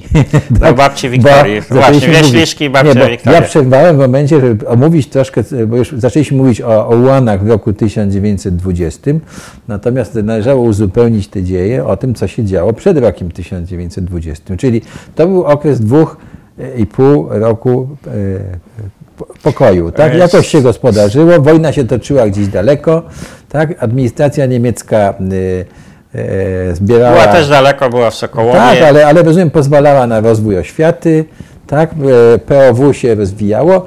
Nie, nie, jeszcze proszę mi uzupełnić te, jeśli mógłbym prosić o uzupełnienie tego, co się działo we wsiach chłopskich, czy też Nie, tam no, edukacja chłopskie. była te, za czasów niemieckich To się znaczy rozwijała? wsie czy było- chłopskie też jakby tu zaczęły się e, aktywizować. Po pierwsze, większość wsi chłopskich tam u mnie na Podlasiu to, to były wsie unickie. Czyli y, po 1875 roku, ja też zrobiłem ustawę, Tak. właśnie, e, taką nie ustawę, a zrobiłem wystawę w, pi- w 15 roku, bo to stulecie były Tak. też tam kolejne, nawiązując do oporu unitów, którzy po 1875 roku no, spotkał ich straszny los, bo po pierwsze Znaczy oni się postawili rządowi rosyjskiemu. ukazem carskim zostali, jak to się mówi, przepisani na prawosławnych. Nikogo, nikt się nie pytał w ogóle, jaka jest ich wola. E, To niby miał być, zamyślę, oddolna inicjatywa, że to sami, sami, Sami wierni, unii, tak. a to tak faktycznie nie było. No to polegało na tym, że albo dwóch wójt i jakiś jeszcze jeden tak pisał, podpisywał się, że przyłącza się do prawosławia z Unii dawnej. Pod E, przymusem, i- tak? No wójt raczej dobrowolnie. Dobro- No no dobra. inne, inne metody, żeby, żeby Tak. to było dobrowolność. Ale podpisywał się w imieniu wszystkich parafian, da, da, całej parafii unickiej, nie pytając się oczywiście.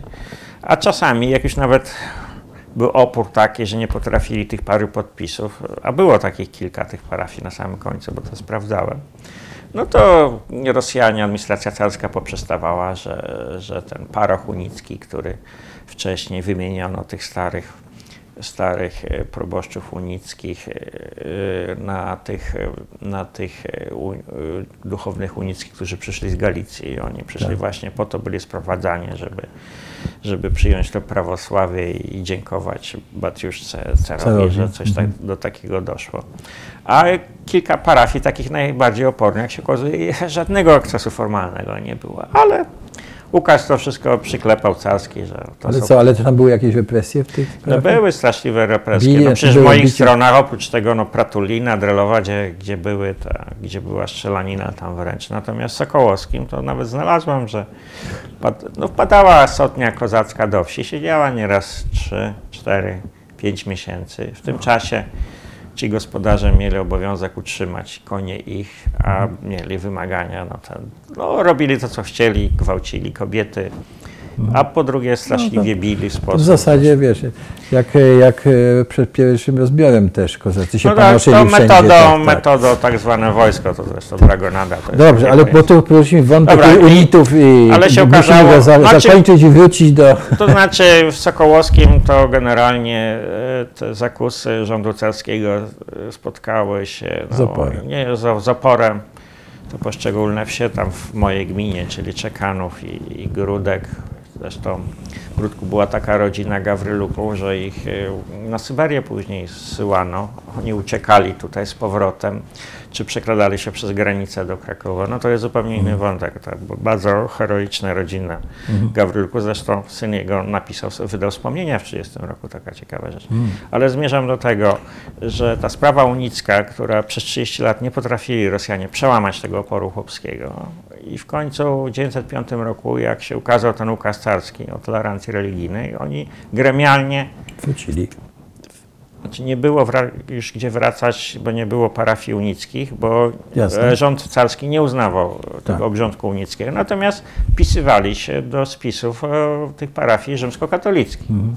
W mojej Jabłonie taki spis się zachował, w Skrzeszewie całe rodziny nieraz w ciągu dwóch, trzech dni się wpisywali i Rosjanie, jak krótko mówiąc, nie potrafili tego opanować. No, były takie formalne różne zabiegi, żeby, żeby rozbić tę To jest całą e, grupę. wątek na e, To wątek rozmowę. odrębny, ciekawy. Wróćmy, Ale y, skończę Do- ten wątek, wsie unickie, wsie chłopskie. Ale to spowodowało też, że mm, ta polityka i katowanie tych ludzi i wysyłanie na Sybir spowodowali to, że traktowali Rosjan jako przedstawicieli, jako obcych, jako, jako tylko okupantów.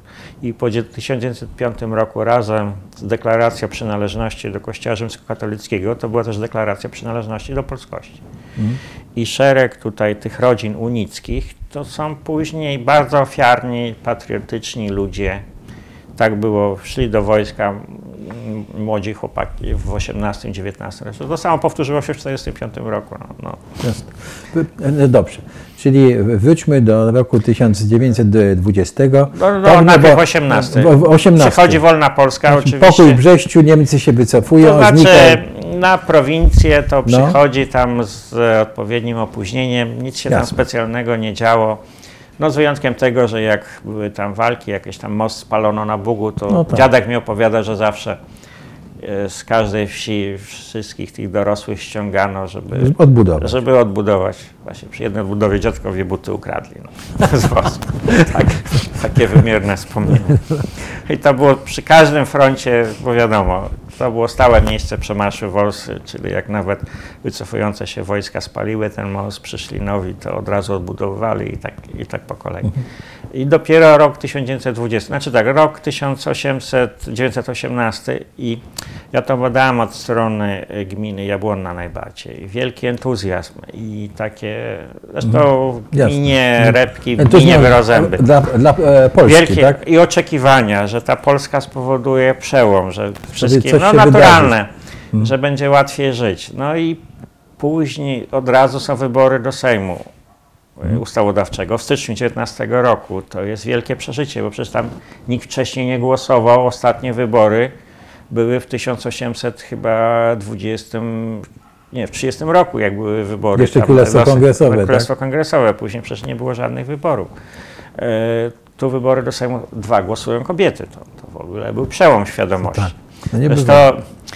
lud większości był, mówiąc przysłowiowo, ciemny, niepiśmienny, masa demagogów, którzy tam Tak.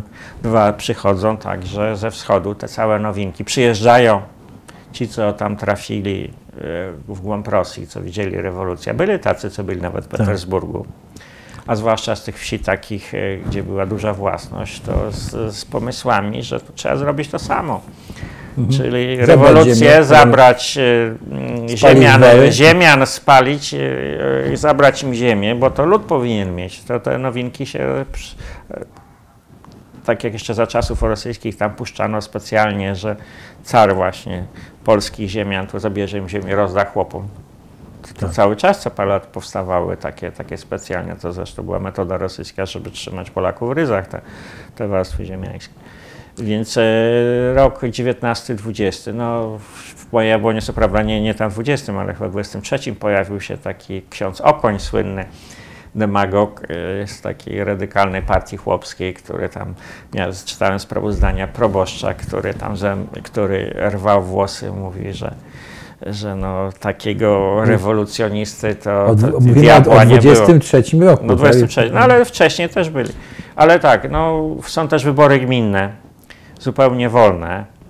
E, Jest, bo od razu pojawia się dekret naczelnika państwa o wyborach do, do samorządu.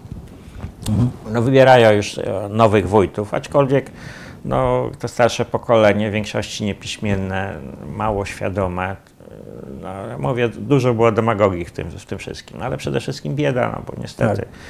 Gospodarka, gospodarka była słabo rozwinięta, zniszczenia wojenne też spore, no i oczekiwania ludzi, że będzie lepiej. Nagle się okazało, że, że nic się w zasadzie nie dzieje. No, spotkałem się z takim petycją mieszkańców wsi Czekanów właśnie w mojej gminie Jabłonna. Tam wieś się spaliła w 15 roku, nie wiem czy to w czasie walk, czy, Mhm. czy jakaś sotnia kozacka na koniec to podpaliła i oni oczekiwali, pisali podania, Żeby żeby, odbudować. Tak, żeby państwo, nadleśnictwo państwowe dało im drewno. Dostali odpowiedź, że nie ma tego drewna. Byli strasznie zawiedzeni i później był taki raport komisarza ziemskiego, że są tak zniechęceni, bo, bo ich, ich podanie z, z, nic nie dało. No jak to, tu jest państwo polskie. Czyli to było zderzenie, e- e- entuzjazm do nowej Tu, rzeczy. no, tak, oczekiwania i realne. No, Tak. prawdopodobnie tak było, że, że tam specjalnie dużych lasów państwowych tam nie było i bo lasy Dob- były wtedy mhm. prywatne, y, tam ziemskie, no i każdy musiał sobie radzić y, po swojemu. Ale po pierwsze szkoły zaczynają się Tak. już bardziej rozwijać. Wójtowie wiedzą, że podstawowy obowiązek gmin i cała ta działalność taka tych pierwszych kadencji to jest właśnie szkolnictwo. Tak. Bo jest przymus szkolny się pojawia w 19 roku. Mhm. Dla pokolenia takiego najmłodszego, zresztą dla dziewczyn, bo kiedyś dziewczyny nie chodziły do szkoły. Dziewczęta też do szkoły, tak? No też, też. Moja babcia Wiktoria, rocznik 1900, umiała pisać i czytać, była prostą kobietą, ale nie chodziła do żadnej szkoły, a na, nauczył ją pisać ten kuzyn Kamiński, który kształcił się w, e, w, na geodetę w Siedcach. I tu przyjeżdżał tutaj do, do, do jej ojca, do, do Stanisława Wierzbickiego i jako młoda dziewczyna ona była. No, ten, błyskawicznie to, także nie pisała może kaligraficznie, ale, ale zresztą nigdy do szkoły później nie chodziło. I taki, natomiast po 19 roku zaczynają już w tych szkołach, w wynajętych izbach, no, siermierzne warunki. Ale zaczyna, żeby się Ale, ale edukacja szkoła, to, to jest ważne dla młodego pokolenia, zresztą pokłosie tego już za 20 lat było, było, było, widocznie. Tutaj szk- szkoły, a na wschodzie, rozumiem, jest y, Piłsudski No dojeżdża tak, do no i Kijowa i zaczyna się młode wielki pokolenie męskie dostaje y, najczęściej wezwanie do wojska. do komisji poborowej. Mhm. To znaczy tak, te pokolenie najbardziej, y, te co było w POW, strażacy, ci co mieli 20-22 Ci, którzy powstali w okresie tej okupacji niemieckiej, Tak, tak? ci co trochę liznęli szkoli, szkoły. E, W, Rozumiem, w mojej Jabłonie to dwóch takich udało mi się zidentyfikować. Zupełnie były nieznane wcześniej historie. E, Jeden o nazwisku Aleksander Zawadzki z Czekanowa, a drugi, e, nie pamiętam imienia, z rodziny Marczuków z Łózek. Się okazuje, że że pierwszy miał jakiegoś starszego brata, który trochę, trochę jakieś szkoły średnie tam zaliczył i on go ściągnął tam gdzieś nawet chyba do, y, do tej miejscowości, do Chrubieszowa nawet. Mhm. Później rok gimnazjum zaczął w 14 roku, później był front, szkoła ustała i on wrócił do, do, do gospodarstwa rodzinnego. I, I była historia taka, e, że w 17 roku. Trochę tam się douczał w tych, tych szkółkach, tam na, na, Mhm. co działały na, na miejscu. Był w POW Mhm. i w 18 roku natychmiast, jak, bo wtedy była mobilizacja POW na 11 listopada i on natychmiast z POW poszedł prosto na Polska ochotnika organi- do wojska. Jeszcze powiedzmy POW, Polska Agencja I- Wojskowa. Tak. Służył chyba bodajże w 5 Pułku Legionów, chyba czyli w pierwszej dywizji, tak, tej gwardyjskiej, Mhm. tam ta elita polskiego wojska. No, był i na froncie tym ukraińskim, był tam i Mhm. w Wilnie, tam raz był raniony, dosłużył się chyba nawet e, stopnia podoficera i w 21 roku go zdemobilizowali, zrobił maturę. Mhm. No, podejrzewam, był oznaczony chyba nawet krzyżem walecznym. Podejrzewam, że jak pojawił się, no, pojawił się na maturze w mundurze z oznaczeniami, to maturę... maturę musiał zdać. No. Musiał zdać. Ale był zdolny, poszedł seminarium nauczycielskie później, w trybie skróconym zrobił i, e, i pojawił się później w 20 latach na pogrzebie swego ojca, bo tam podpisał Mhm. chyba metrykę zgonu. E, i ale był nauczycielem gdzieś pod Koninem. Jego później Niemcy zamordowali w 1942 roku. No, jako I drugi przypadek, Aleksander Zawadzki, który też jakaś tam szkółka gminna, później w POW i poszedł do 22 Pułku Piechoty w Siedlcach w Czyli 18 roku. Jednym słowem, to, ci, I dosłużył którzy, się pod ci którzy oficera. e, byli do, do, dotknięci e, e, edukacją czy działaniami Polskiej Organizacji Wojskowej, w ogóle bez wahania poszli Tak, do to, Polta. to, to pierwszy ale, ale, ale ten, ale ten ogół, ten ogół, jak, jak to było z e, tym poborem? No to jest ogólnym? poborem. No wiemy, że Rozumiem, że te szlacheckie przysiłki poszły do wojska, tak? E, No bo, bo, to znaczy te najbardziej takie rzutkie przedsiębiorcze. tak. Natomiast, e, natomiast e, pierwszy taki mm, pobór już taki urzędowy przez komisję to już bodajże chyba był w, lutym czy w marcu 19 roku, kiedy się okazało, że wojsko błyskawicznie się rozrastało, no i trzeba było tych rekrutów. I o ile w 19 roku to wieś tak dosyć skrupulatnie to wykonywała, wykonały te całe zarządzenia. Zresztą w mojej gminie Jabłonna, jak ustaliłem, zginęło w tych walkach 19-20 roku na frontach, głównie gdzieś tam na Ukrainie czy, e, czy na tych frontach białoruskich, około 20 ludzi, bo ich nazwiska były na tablicy w 30 roku dzięki inicjatywie takiego nauczyciela jabłońskiego Stanisława Stępnia, który, tak jak dociekłem, też był ochotnikiem w 20 roku jako gimnazjalista w Sandomierze i później był zrobił, zrobił seminarium nauczycielskie i w 22 trzeci przyszedł do Jabłonnej i był 40 lat tutaj kierownikiem szkoły. No autentyczny liter, autentyczny taki społecznik we wszystkich możliwych instytucjach. No i z wielkim autorytetem, z wielkim. I, i otóż Otóż e, on w 30 roku z jego inicjatywy spowodował, że zrobiono na środku Jabłonny taki obelisk. Mhm. O, to był dosyć klasyczny, bo robiono według, starano się robić. A jak ustaliłem, to prawie mniej więcej 80% tych gmin w moim Miało powiecie. Sokołow miało to obeliski. Teraz Takie 28, były, 30, takie były czasami Niemczech, Anglii, we 32. Francji. Też No były tak, takie, tak, oczywiście nie było wielkich pieniędzy, to było skromne Jakie dosyć. były dzieje tego obelisku? E, No ten, zachowało się zdjęcie. Ja zupełnie przypadkowo, Tak, zdjęcie zachowało, ale e, to, właśnie grupa z tym wstępnie, no miałem problem, który jest właśnie, kto Tak. jest ten nauczyciel jeszcze taki młody, i tam była no wójt, pisarz gminny i tak dalej, jeszcze, jeszcze syn e, tego ziemianina jabłońskiego, jeszcze tam ze cztery osoby właśnie próbuję do końca to ustalić.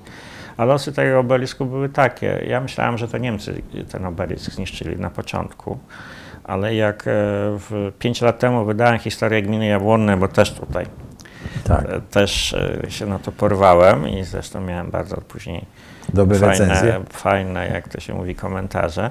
E, I się okazało, że znalazłem świadka po tym, który mi potwierdził, że to zniszczyli go Rosjanie, którzy weszli, weszli na tereny Sokołowskiego, przynajmniej dotarli do, do Mińska w końcu września 1939 roku i tu w, w gminie Jabłońskiej urządowali, oczywiście zrabowali wszystko we dworach, tam inwentarz, zboże. Natomiast e, tu podobno, ponieważ to było przy głównej drodze, zaczepili, zaczepili linkę stalową do czołgu i, i, i bo to był taki obelisk, taka płaskorzeźba Piłsudskiego na samej górze, na dole ta tablica z nazwiskami tych poległych żołnierzy i się skończyło na tym, że, że go zniszczyli. Później taki kikut jeszcze był po tym obelisku jeszcze jest takie jedno zdjęcie, odnalazłem z czasu wojny, ale tam zaraz po wojnie to rozebrano i później śladu. Odbudowaliście czy nie? Tak, dzięki temu zdjęciu. Akurat A. cudem, W którym roku odbudowaliście? no, 11 listopada 2018 roku udało no tak, mi no się. właśnie. Udało mi się Dobrze, wujka wróćmy, zainspirować i Cudo. przyjechał syn tego Stanisława Stępniaka. Coś- Odnalazłem w Warszawie. No Mhm. bardzo, bardzo był, był Super, ale wróćmy, wzruszony. wróćmy do tego 20 roku na tych terenach. Dobra, Bo wracamy. mówiliśmy, co się tam działo, tak, bo I szkoły wracamy były... do, do liszek y, babci y, Tak. Wiktorii. Dziadek w tym czasie, on był w wojsku rosyjskim jeszcze tuż przed pierwszą wojną. I był na froncie tam galicyjskim w armii rosyjskiej, dostał się do niewoli w 14 roku, ale Austriacy go puścili, czyli okres wojny spędził ojca tam pod Paprotnią. Natomiast poszedł jeszcze raz w 20 roku, nie w 19, tylko bo on był trochę już starszy rocznik, sam poszedł w 20 roku na ochotnika do Ułanów. Do Łanów. Gdzieś był pod Kijowem, tylko ja byłem za mały, jak dziadek umierał, żeby... No teraz bym w, ustalał, w którym Jasne. pułku idzie i co. Ale wiem, że gdzieś pod Kijowem, ponieważ mi opowiadał, że tam jedna brygada kozacka przeszła na stronę polską, a taki, taki epizod się zdarzył właśnie na tym froncie południowym w czasie wyprawy Mhm. kijowskiej. Natomiast same moje liczki to było tak, że e, przychodzi 20 rok, no i tak, przychodzi z nienacka w zasadzie, bo te wieści z frontu to przychodziły przecież z dużym opóźnieniem i no tylko przez to, że, że ktoś tam był z, w rekrutach w wojsku, czasami wieś, że zginął, no też były Tak. takie przecież i były i straty.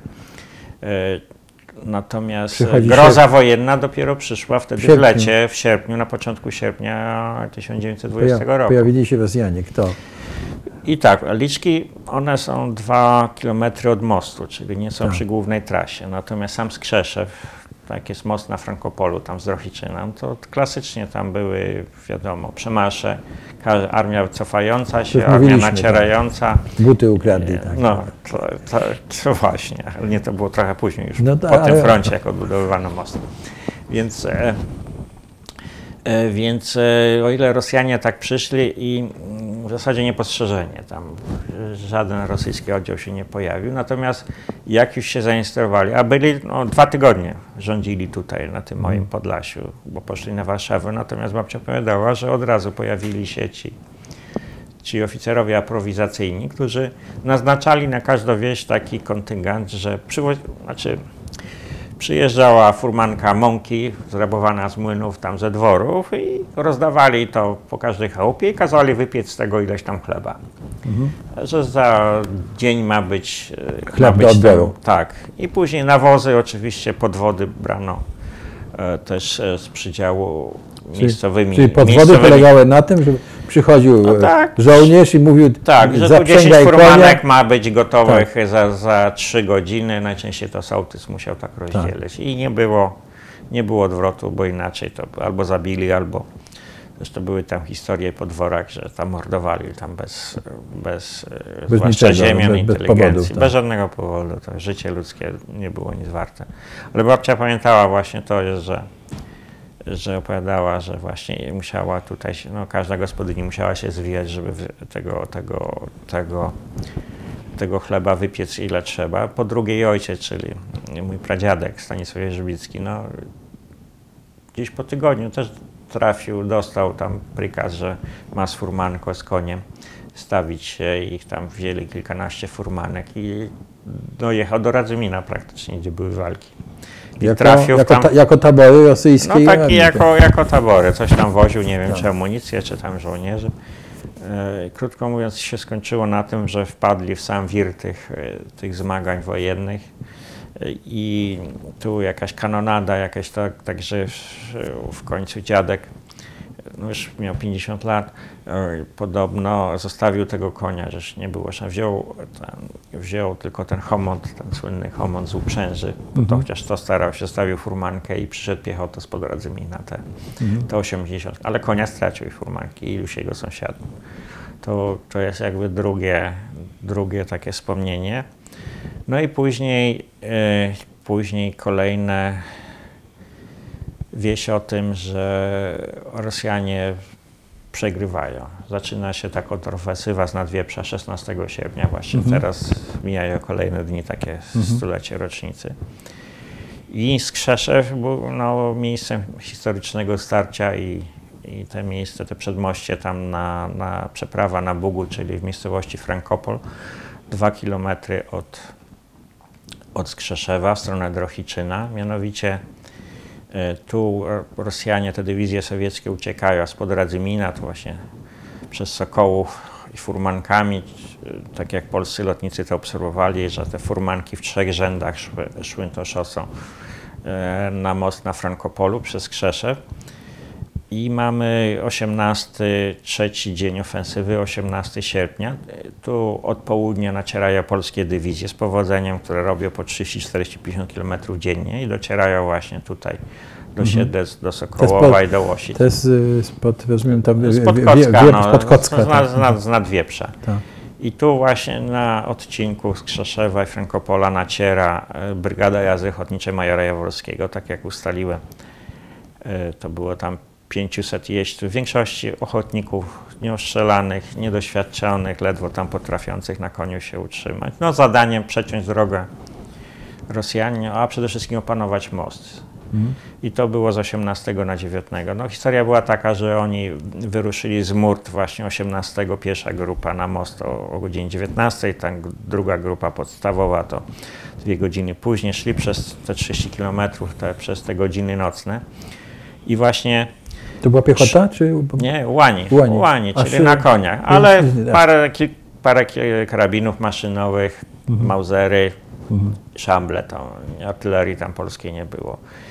I przechodzili w nocy przez liczki. Moja babcia mi opowiadała, no bo tam 300 mniej więcej, tylko że to oni szli w takim rozproszeniu, bo jak niedoświadczeni żołnierze, to nie ma dyscypliny marszowej i to byli rozciągnięcie, tym bardziej, że że był skwar wcześniej, to, to, to był straszny wysiłek fizyczny dla takich 16-18 latków. Mhm. I no, w środku nocy przechodzili przez liczki i to Mówi, cała to byli, wieś, to byli ochotnicy 16-18-latkowie, tak. czyli to byli właściwie gimnazjaliści? Tak, czy... no ja później jak ustalałem tę listę poległych, znalazłem dwóch, a myślę, że było więcej. Mhm. Jeden miał 16 lat, który był Stefan Laśkiewicz. 16... On pewnie nawet 16... Dodał sobie ten rok, żeby go przyjęli do wojska, przyjęli, bo przyjmowano od 17 roku mhm. życia. E, no i zginął tu w Skrzeszewie, a mhm. później w listopadzie 20 roku tu przyjechał jego wuj i ekshumowano jego ciało i wtedy spisano akt ten ekshumacji. A jego zdjęcie znalazłem, znaczy zdjęcie jego nagrobka znalazłem na cmentarzu w Lublinie na ulicy Lipowej w grobowcu rodziny, rodziny Laśkiewiczów. Jego ojciec mhm. był wielki, znaczy dużym przemysłowcem lubelskim. No, przed pierwszą mhm. wojną miał zakład 300 ludzi zatrudniał, to naprawdę mhm. to, było, to było coś. No jest tam napisane Polak na polu uchwały 19 sierpnia. I znalazłem w spisach e, uczniów e, przedwojennych e, gimnazjum Batorego w Lublinie, Stanisław Słomiński, że też zginął 19. Też w tej okolicy? Też w Krzeszewie. Krzeszewie. Też, też w Krzeszewie. Myślę, że szukam dalej. No, ustaliłem mniej więcej, jak zacząłem poszukiwania, to było mniej więcej 30 nazwisk, teraz już, teraz już mam 39 tych całych polegów, a myślę, że to nie jest jeszcze zbiór zamknięty, że, mhm. że może jeszcze... Czyli rozumiem, że to byli młodzi żołnierze, którzy z nadwieprza e, niedoświadczeni, do ochotnicy, pewnie większość była jakimiś gimnazjalistami. No tak, to zresztą pewnie, były historie takie, jak, jak się przekonuje. Dublina, że oni po prostu dostali to zadanie, tak, żeby przejąć ten most we Frankopolu, tak? Była historia taka, że w historii, no teraz każde liceum obchodzi stulecie mniej więcej z tych starych takich tych tak. liceów, co działały w okresie międzywojennym. No i zawsze jest ten epizod, co był w 20 roku się okazuje. Tu u nas właśnie na Podlasiu, na Mazowszu, tym, tym wschodnim, czy na północnym, od Płocka, Włocławka, tak że w 20 roku młodzież gremialna, klasa maturalna szła do wojska. Czasami to, zresztą pamiętam pierwsze takie moje, czytałem wspomnienia tego delegata rządu na kraj, pana Adama Bienia, który w tym czasie mhm. był chyba 17-letnim uczniem gimnazjum w tego w Sandomierzu czy 18. Mhm. To było, I to wszędzie się powtarzało. Przychodzi front, y, ojczyzna niebezpieczeństwie, robi się panikę, ale z drugiej strony trzeba walczyć o o to wolno Polskę, bo już bo to się może źle skończyć i reaguje znakomicie młodzież gimnazjalna, która Mhm. zgłasza się do wojska, czasami Tak. tworzą nawet specjalne kompanie, bataliony ochotnicze. Tak, dodają sobie wieku. Tak, Dodają sobie wieku, no oczywiście. No, i tu, a Brygada Jaworskiego o tyle była specyficzna, że Mówimy o tej, miała bry- sw- o tej brygadzie, która tam... tam z Lublina, tam był Tak. w Lublinie i tam pod Lublinem była formowana, w Puławach był jeden szwadron, drugi w Kraśniku, więc e, trochę z Siedlec też tam ludzi przyszło, tam Mhm. z tego zrobiono pułk lubelski, później pułk e, wołyński i pułk e, siedlecki. Więc część tych młodych żołnierzy to byli właśnie zupełnie nieostrzelani ochotnicy, no często z końmi byli, bo jeżeli ojciec był zamożny, czy, To jasne. czy mnóstwo z rodzin ziemiańskich. No i ginęli tak jak wszyscy. To, to się skończyło dla nich nieraz e, śmiercią na, na polu chwały. No. Oddali krew za ojczyznę. Czyli wyśmy do babci w tym czasie, bo babcia by No tak, obserwowała po to- pierwsze babcia mnie pytała, że wtedy wojsko przechodziło. Doskonale pamiętam. Nazwiska chyba Jaworskiego już nie wspominała, to już, to, już, to, to myślę, że już tego nie pamiętała, kto tam dowodził. Natomiast takie szczegóły, które jak 10 lat temu uczestniczyłem, no, trochę z kolegosami to wywołaliśmy takie uroczystości rocznicowe, a teraz teraz e, stulecie, no ja właśnie w niedzielę miałem tam mowę taką e, wspomnieniową na cmentarzu, na cmentarzu w Skrzeszewie, bo też się udało coś zorganizować, a mam plany jeszcze szersze na ten temat, więc e, się okazało, że babcia dodawała mi parę szczegółów, których, o których nie ma w tych formalnych raportach wojskowych i czy w tych relacjach wspomnieniowych, bo tam parę się zachowało. Mianowicie tak, no po pierwsze, że przechodzili łani w takim rozproszeniu. Tam jest konfiguracja terenu przed Krzeszewem, że taki jest nizina, później sam kościół na takim wzgórzu z, za rzeką. A cmentarz jeszcze jest od strony Liszek i tam przy cmentarzu oni pewnie się jakoś uporządkowali dopiero ruszyli do ataku na Skrzeszew. A wcześniej uderzyła ta grupa na, na most na Frankopolu. To, to takie praktycznie działy się tam sceny prawie że westernowe, że Polacy w nocy atakowali, zresztą z powodzeniem.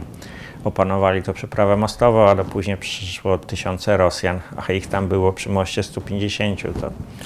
Ale Tak, bronili znaczy, się północy. Tysiące Rosjan przyszło Tak. uciekając spod... spod Ale w nocy, a oni, żeby Rosjanie się nie zorientowali, że jest ich tak mało, bo Tak. mieli tam cztery karabiny maszynowe, to po prostu robili takie konne kontruderzenia w szyku konnym. Tam. Tu, tu, tu, tak? Tak, no jak Rosjanie za bardzo szybko, za blisko podeszli, to było szarża taka po ciemku. No Rosjanie tam się znowu uciekali i na pół godziny był spokój. No ale jeszcze przed świtem we Frankopolu e, kończyła się Polakom amunicja, musieli się wycofać, zresztą część już była albo, albo śmiertelnie postrzelona, albo, albo kontuzjowana i ranna. Natomiast ta część, która atakowała Skrzeszew, oni zaatakowali o świcie, czyli gdzieś mniej więcej koło czwartej rano. Rosjanie byli byli już ostrzeżeni, mieli artylerię, to teren im sprzyjał, także e, natarcie zaległo. Rosjanie później uderzyli na tych Polaków, którzy się wycofali na, ten, na cmentarz. Natomiast zaszedł ich od tyłu jeden szwadron samodzielny, który trochę wcześniej poszedł e, na wschód i on się przeprawił tam przez rzekę i zaatakował centrum Skrzeszewa, gdzie Rosjanie ich się zupełnie nie spodziewali od tyłu. I później te, te 100 koni poszło, tam jest wieś bardzo taka rozciągnięta na kilometr, poszli tak brawurowo tym atakiem do końca wsi. Rosjanie uciekli, tam wzięli z tysiąc, e, ci, ci jeźdźcy, prawie tysiąc e, jeńców. Nie było komu tych jeńców e, pilnować. No ale Jasne. później przyszła kolejna fala od Sokołowa i trzeba było się wycofać. No i się wycofali, a później o godzinie 14 w drugim etapie, jak e, się zorientowano, że między tymi kolumnami jest przerwa, jeszcze raz tak znienacka zaatakowano, opanowano wieś i wtedy Polacy uruchomili armaty te zdobyczne, bo tam było kilku artylerzystów. I jak zaczęli armatami tych e, Rosjan przepłoszyli, bo już oni się zorientowali, że to pierwsza formacja jakaś regularnego wojska, po drugie z armatami. I odpuścili. Most tam podpalili i zaczęli uciekać tam na, na północ, szukając przepraw tam na Bugu. To była taka historia. Ale z opowieści mojej babci historii, po pierwsze taki tragiczny moment w czasie tych uderzeń, kontruderzeń było tak, że kilku po, tych młodych ułanów dostało się do niewoli rosyjskiej i ich Rosjanie powiesili na, na plebanii. To jest takie, ludność później, babcia mówiła, że proboszcz na widok taki to mało, że nie zwariował, no nie dziwię się. Co to się później sprawdzało, bo ten proboszcz napisał do kurii, do, do siebie z prośbą, żeby go przenieść, bo tych, po tych nerwowych przeżyciach nie jest w Mhm. stanie tutaj na Skrzeszewie tam dłużej, dłużej Mhm. funkcjonować. Ja jeszcze kolejne wspomnienie. Yy, Ułani zdobyli przeprawę, zdobyli Skrzeszew, wykonali swoje zadania aż na, na zupełnie no, ze stratami. Tam zginęło prawie 40 ludzi, tam Mhm. pewnie rannych, kontuzjowanych było jeszcze więcej. No, krótko mówiąc, krótko mówiąc, to nie poszło tak bezboleśnie. Natomiast yy, następnego dnia, bo w tym czasie pierwsza dywizja piechoty Legionu zdobywała Drohiczyn. Zresztą na czele, na czele tej kolumny yy, piechoty szedł podporucznik Broniewski. Władysław Broniewski, Tak. późniejszy słynny Tak. poeta legionowy, który zresztą Wiktor No, dostał znam, za, za tak, Drohiczyn. tak. No, No, to tak, on- w tych swoich wspomnieniach wydanych tam jeszcze Jak się ma drochi, ten, ten y, y, Drohiczyn i to, to, co się tam działo do tego, Czy w Drohiczynie oni weszli praktycznie tak, Rosjanie się pospali, nie pilnowali mostu pontonowego, także jak, jak po- polska piechota tam weszła, to praktycznie bez strzału, weszła do środku miasteczka, żadnego ubezpieczenia, dopiero na samym, tam przy, przy szosie trafili na budynek, gdzie był sztab tej dywizji sowieckiej, obrzucili granatami, także dowódca zginął, ten sowiecki, także poszło, mówiąc krótko, jak po maśle. No później tam próbowali ich też E, Też e, kolejna kolumna rosyjska wyprzeć z Drohiczyna, ale to żołnierz frontowy, to mieli sporo, także tam chyba tylko trzech Polaków zginęło, o wiele mniejsze były straty. W Skrzeszewie było gorzej i o wiele większe, e, zacięte bardziej walki. Wracamy do Skrzeszewa. E, 19 już e, po bitwie, no trochę, pierwsze nie, myślę, że zmęczenie fizyczne tych, tych żołnierzy. No, wcześniej maszerowali przez całą noc, walczyli przez większa część dnia, to ciągle ataki, kontrataki. Zmęczenie ludzi, zmęczenie koni, to, to, to musiało być straszne, część kontuzjowana. Więc y, do końca dnia, jak to się mówi, odpoczynek, a następnego dnia to już był rozkaz, poszli przez most na, na Białystok. na Białystok. A tu zostali ranni i zostało trochę, no pierwsze pochówek. Babcia powiadała, że to były upały tak jak teraz i te zwłoki błyskawicznie się rozkładały. I trzeba zorganizować jakiś ludzki, normalny Czy pochówek. Wan sobie poszedł, tu zostawili. I, i no właśnie. tak jak pamiętam ranni doskonale, po, no oczywiście opieka nad rannymi. Yy, I chowano tych ułanów, nawet nie robiono trumien po prostu. W tych derkach końskich chowano Mhm. po prostu te zwłoki, bo błyskawicznie się rozkładały. No, I chowano e, tak, tak. na cmentarzu w dwóch miejscach, ale ci, co zginęli we Frankopolu, to chowano ich w tam sąsiedniej wsi Rudniki, to tam jedna, jedna grupa była pochowana przy kapliczce, druga tam przy jednym krzyżu. I dopiero później, po jakimś czasie, to już pewnie po zawieszeniu broni, władze wojskowe zrobiono ten, zrobiono jeszcze jakąś mszę taką, po pierwsze ekshumowano te, te groby polskie, które były poza cmentarzem, po drugie, no, pe- pewnie jakaś uroczysta msza i przy okazji te dębowe krzyżenie, dębowe. a później rodziny stopniowo tam przy niektórym tu łano. swoich, tak. Znaczy były cztery ekshumacje z tego, co spisano. Może było więcej, ale cztery zrobiono ekshumacji, a, a nawet w 27 taka pojawiła się to rodzina e, ułana e, Antoniego Montaka. W wiem, bo- 27 roku tak. dopiero. Tak, tak, bo się okazuje, wiem, bo w aktach e, archiwum decyzjalnego Drochickiego to znalazłem w teczce archiwum Skrzyszewskiego, mianowicie dopiero w 27, bo tam e, on był, miał żonę, dzieci, z Warszawy w ogóle pochodzący, ten Antoni, on z inteligenckiej e, e, rodziny i brat tutaj napisał do biskupa, a brat był księdzem w Warszawie, zresztą pierwszym proboszczem tej parafii tam na, w Ursusie, czyli tam na Żbikowie. Ksiądz e, bodajże Felix Montak, bo się okazało, że jak ufundowali taki mm, nagrobek granitowy, to się okazało, że chciano, chciano ich, krótko mówiąc, obłożyć opłatami. E, Tak, tymi tak zwane, to się, to się nazywa e, w specyfice tej cmentarnej, pokładne. O. I to dosyć e, sporymi. No to ksiądz Montak trochę zorientowany w tych relacjach, bo się okazuje, że akty zgonu nie były zrobione przez proboszcza miejscowego, tylko przez kapelana To nie zachowały się zresztą te, te Mhm. księgi. E, Więc e, no i napisał trochę tak ze skargą do biskupa i biskup Siedlecki natychmiast zareagował, wydał takie rozporządzenie do proboszcza Skrzeszewskiego, że te groby łańskie mają być uznane za wieczyste i oczywiście bezpłatnie. I oprócz tych montaków było jeszcze parę takich tych grobów, takich bardziej okazaczy. No większość oczywiście była opatrzona tylko takimi dębowymi krzyżami, które tam po 30-40 latach no, Przestały istnieć. No. przestały istnieć.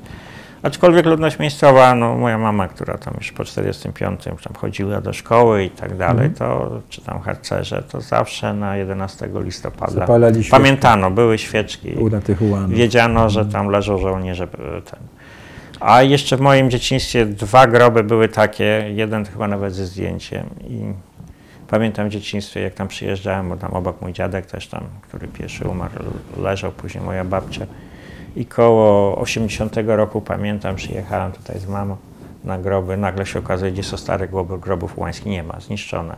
A co się okazuje? No dopiero teraz jakiś bezczelny tam kamieniarz miejscowy z, Zabrał sobie. zdewastował te, bo tam granitowe, może wyszlifował, zużył na inny grób. Krótko mówiąc, to zniknęło. Nikt nie interweniował. No wszyscy się bali, bo to No sasanacyjne wojsko było no przecież. tak, to była nie, niechciana tradycja. Na szczęście zawsze w 1935 roku postawione, jest to bardzo piękny taki, e, taki krzyż łański, taki pomniczek sumptem mm, 22 Pułku Łanów Podkarpackich, który nawiązywał do tej formacji majora Jaworskiego. Tylko na szczęście po 1945 roku to zarosło bzem, było poza wsią i, i kto nie wiedział, ten nie trafił, krótko mówiąc. No, Jak to i- wiedział, to uszanował. Tak? i to, ten krzyż ocalał do 90 roku. Teraz jest, no tam myślimy o tym, żeby to jakoś go trochę zakonserwować, bo już trochę tam rta bierze. 10 lat temu, inspirowany zresztą tymi wspomnieniami, bo, bo mówię, takie dwie imprezy, w których uczestniczyłem, zawsze mówię, że to miały swój początek w tej mojej tradycji rodzinnej mianowicie e, te sprawy księdza Brzuskie, już nie mówiłem wcześniej, ale Tak. dziadek mojej babci Wiktorii to był powstańcem styczniowym Wincenty Wierzbicki, który do tej pory funkcjonuje w mojej rodzinie. Ja to słyszałem jako mały chłopak, jak babcia opowiadała, że dziadek Wincenty poszedł z kosą w noc styczniową no, do powstania. No, To klasyka, tak z Grotgera. no nie każdy tak miał. Nie każdy Krótko, tak ma, no, każdy nie taki dożył przepływ. e, 18 roku, bo dostał pewnie stopień porucznika, zmarł tuż przed pierwszą wojną, ale świadomość tego w rodzinie była. Mhm. Świadomość tego była, no, no, że właśnie no, ryzykował sporo. No. Mhm. Co prawda, że jako, jako młody, młody człowiek poszedł z kosą, no nie miał broni i tak dalej. Był gdzieś w partii, nie wiadomo gdzie był, aż takie szczegóły się nie Znaczy w zachowały. partii był, to znaczy nie był w PZPR-ze, tylko No, w partii że- to wtedy rozumiano, że w oddziale W powstańczym. oddziale powstańczym, bo to, No. Tak, ale e, Więc, e, więc teraz e, druga rzecz właśnie uczczenie tych ułanów, bo owszem w 93 e, tam na cmentarzu te kwatery łańskie w jakiś sposób tam uporządkowano. Po pierwsze nie dopuszczono, żeby ludzie zajęli te miejsca, bo przecież te dębowe krzyże to już e, popadały, ale zrobiono taki, że nikt tam nie ma prawa chować tam e, z tych z pochówków to prywatnych. jest miejsce, na należy do narodu, No i tak. tam w, e, na obrzeżu cmentarza zrobiono taki pomnik ułański, tam nawiązujący do tej całej e, tradycji z tablicy odpowiedniej. No i 10 lat temu ja cią, ciągle o tym pamiętałem, a ponieważ no, mm, w tych swoich tam wędrówkach historycznych i, mm, bardzo jestem tam zaprzyjaźniony z archiwum e, w Państwowym w bo tam jest najwięcej zbiorów. Zresztą tam mój przyjaciel jeszcze z czasów akademika e, Grzesiek Welik jest dyrektorem.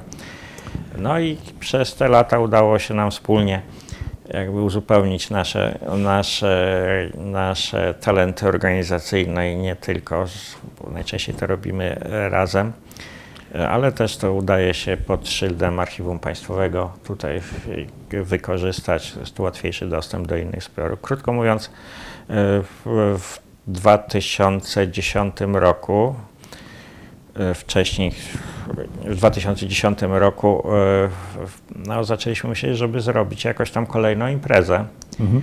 w- o, o tych łanach. zasadzie to wszystko zależało od inwencji własnej, no, ponieważ tam na miejscu była bardzo energiczna pani wójt mm, w Repkach Krystyna Bochowicz, która błyskawicznie to cała podjęła. No i tak przysłowiowo z pana gwoździu, z niczego.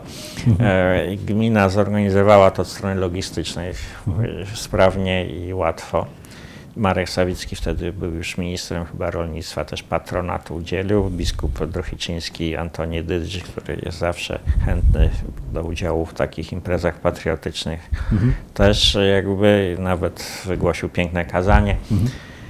I nie było problemów od strony kościelnej, bo tam była msza uroczysta, rocznicowa właśnie z kazaniem biskupa ordynariusza. Ja po mszy miałem okazję pół godziny mówić tam z tej mównicy kościelnej, trochę tam szerzej o tej bitwie powiedziałem, to dla większości to, to znajomość tych szczegółów. To była dosyć no, było, była, była nowością, a później no, kolejna tam jeszcze się okazało, że było, mieliśmy grupy rekonstrukcyjne w, w mundurach kawalerii na koniach, prawie 40 osób, to, to jest w ogóle nowe czasy, to, to już dzisiaj ciężko taką, taką imprezę zorganizować. No bardzo to się... A przy okazji gmina zorganizowała jakieś dofinansowanie. Udało mi się wydać taką pozycję książkową, tam 50-stronicową na temat tej całej bitwy. A, I to- to mnie... Rozumiem, że skąd to znajomości? I to mnie zdopingowało, żeby pozbierać te wszystkie wątki z tych przedwojennej literatury, bo oczywiście to przed wojną nawiązywały do, do tych bojów e, dwa pułki kawaleryjskie, 19 Pułk Kłanów Wołyńskich tutaj właśnie, Może który- wyżej po- pokażmy. który miał... e, Zarys to jest wydawnictwo wojennej e, pułku i- Wojskowego Biura Historycznego. Przedwojennego. 20 Tak, tak. I drugi pułk, 22 Pułk Łanów Podkarpacki. I tam jest opis bitwy, ale no, jak ja to weryfikowałem, to pisali oficerowie, którzy nie byli uczestnikami, zbierali relacje, ale po 10 latach te szczegóły się trochę pozacierały. Trochę jest tam niedokładności, aczkolwiek no wiadomo, to materiał jest Dużo, dużo, wartościowy. dużo Piłsudskiego tutaj jest, widzę. No ale zawsze musiało, to tam dodawano przy to tym wszystkim. Signum Temporis jest na zawsze. I, mm, i wtedy, wtedy znalazłem, e, robiłem kwerendę, szukałem tych aktów zgonów tych ułanów. Się okazuje, że te akta ordynariatu polowego niestety Zniknęły e, w gdzieś. tak? 1939 czy 1944 zostały zniszczone. Nie ma. Ja znalazłem odpis takiego Chyba, że jednego. są gdzieś w Moskwie. Może, jak, jeżeli pociąg, który to wiózł gdzieś tam za Krzemieńcem, wpadł w ręce rosyjskie, tak jak akta Sądu Najwyższego Polskiego. Tak. Może Rosjanie się nie przyznają, że coś takiego mają, ale się wszystko, nie nic nie jest wykluczone. Natomiast e, znalazłem te cztery akty ekshumacji tych czterech ułanów, jak znalazłem ekshumacji tego 16-latka To z. To, to było dla mnie wstrząs, powiem, w Tak. sensie takim. I to mnie mówiło, ilu rzeczywiście takich dzieciaków tam... tam Ale to, to wróćmy jeszcze do... to, ale to było 10 lat temu. No, Jasne, ale wróćmy jeszcze w takim razie do e, wojny 1920 na tych terenach, bo e, mówiliśmy o e, tych, że e, ci, którzy byli w strażach pożarnych, ci, którzy przeszli przez Ochotniczych po, po, ochotniczych, poszli do, jako No, jeszcze tak, zawodowych jasne. wtedy to była Ale rzadkość. przecież był pobór i y, pobór był, dotyczył wszystkich A. wsi. Tak? Czy ten, e, Pobór czy- 20 czy- rok, to czy jest tak, że- specyficzna rzecz. No no. właśnie, czy na tych terenach było tak, że te ci, że z chłopskich wsi chętnie szli do wojska? Czy, To czy znaczy, świadomość em, chłopskich wsi była? e, Generalnie, generalnie źródła są takie fragmentaryczne. 19 rok, z tego co ja wiem, nikt się nie uchylał od poboru. 19. A nawet, e, nawet szli chętnie, ponieważ to była przygoda trochę dla takich No, chłopaków jasne, ze wsi i no. tak dalej. Tym bardziej, że gro poborowych szła e, do 9 Dywizji To już, nie było, to już nie było e, wojsko carskie na 20 no tak, lat. to swoje wojsko. Tym bardziej, że stosunki w wojsku były takie dosyć no, demokratyczne oczywiście. Legionowe jeszcze, jeszcze. Tak, tak, tak. No, kadra była nastawiona, nastawiona, no tym bardziej, że w warunkach frontowych to nie ma takiego drylu koszarowego, jak, jak, jak najbardziej tych rekrutów przecież tam y, ci kaprale ćwiczą. A ci y, poborowi właśnie z mojej strony to walczyli najwięcej w tych formacji, w piechocie, w 22 Pułku Piechoty, który walczył na tym froncie polskim. I miał same sukcesy tam nad Prypecią, bo zdobył na koniec i dotarł aż do Mozyża, to aż nad, aż tam, praktycznie aż na dalekie kresy, aż e, do tego Czarnobyla praktycznie, co, co jest słynne, słynne z, z tego, z, z tej elektrowni. elektrowni. atomowej, czyli tam, gdzie kiedyś w czasach jagiellońskich były granice państwa polskiego. I tam nie było dużych strat. No oczywiście były, ale, ale jednostkowe. Natomiast e, ci, co szli do kawalerii, no bo z, Tak. z tych z rodzin wiejskich to chętnie brano na kawalerię, bo byli obeznani z końmi i tak dalej. To szli najczęściej, byli przydzielani do 10 pułku łanów tam z Białegostoku, tak zwanych łanów litewskich, albo do 7 pułku łanów tam lubeckich, ale nie zawsze jednego takiego miejscowego znalazłem w 12 pułku łanów podolskich. No i, i, i, i to, to dla nich była naprawdę to, no, przygoda taka. Służba była trochę lżejsza w kolei. No ale mamy lato 20 roku. Tu od lipca Rosjanie atakują, front się nieustannie cofa. Taka psychoza się w zasadzie pojawia, że za chwilę przyjdą Rosjanie i całą Polskę opanuje. Y, I wtedy aparat mobilizacyjny wydaje rozporządzenie i jest pobór kolejnych roczników, tych starszych tam y, z połowy lat 90. Y, Ubiegły, znaczy dziewię- jest takie opracowanie właśnie, tam rok 1920 na Mazowszu i Podlasiu, takie Tak, szczegółowe zresztą Janusza Szczepańskiego, Mhm. e, który tam badał te całe archiwalia. No rzeczywiście mm, te wskaźniki poborowe są dosyć mizerne, bo się okazuje, że jest skuteczność poboru jest nawet mniejsza niż połowę, tam rzędu nieraz 40%, czyli uchylanie się od poboru jedna, jedna to jest 40%. było dosyć powszechne. To, to druga- rozprzężenie się udzielało, udzielało, udzielało także Mhm. wśród, e, wśród tych poborowych. No każdy tam myślał, no co ma się narażać. Natomiast e, z tych moich jakby tych e, wsi, z których najbardziej mam rozpoznane, głównie z tych zaścianków, to uchylanie się było, praktycznie nie było. Jeżeli albo szli na ochotnika, albo jeżeli dostawali kartę mobilizacyjną, to się stawali i, i z każdej wsi, to z większej wsi to nieraz było kilkunastu tych, kilkunastu tych, co, co byli na froncie. No zresztą większość z nich wracała do swoich normalnych zajęć, jak się skończyła wojna. W różnych pamiętnikach można spotkać też taki problem, że ci żołnierze, y, y, chłopcy, problem był taki, że oni nie umieli pisać, nie umieli No tak, czytać, nie no. wiedzieli, Znaczy ja myślę, nie wiedzieli co to jest Polska. Procent tych e, uchylających się to był z tych środowisk miejskich jednak. No. Jednak, tak? Tak, no wieś była bardziej taka, e, no wieś była bardziej, bardziej wykonująca te całe rozporządzenie, tym bardziej, że to było wojsko polskie, no i, i, i zresztą nieraz warunki Mhm. No to- w tym wojsku były lepsze Y, e, dla takiego chłopaka wiejskiego niż u siebie w domu. No często tak. No, potem była szansa też, że się czegoś nauczył. No poza tak. tym, no była szansa, jeżeli chłopak się czymś wyróżnił, czasami dostał jakieś odznaczenie za męstwo, czasami zdobył kaprala, to była jedna z metod wybicia się i wyjścia jakby... Tak. Spo- społecznego awansu. Awans społeczny, to, to, to było kilkanaście takich przypadków. Ja, y, ponieważ y, no, bardzo żeśmy poruszyli masę wątków i one się tu pojawiło i nam, e, myślę, że trzeba by się spotkać jeszcze kilka razy, ale nurtuje mnie takie pytanie. No, historyk, y, regionalista, jakby e, mówisz o sobie, no bo nie ukrywajmy, jesteśmy na ty, to już pod koniec rozmowy.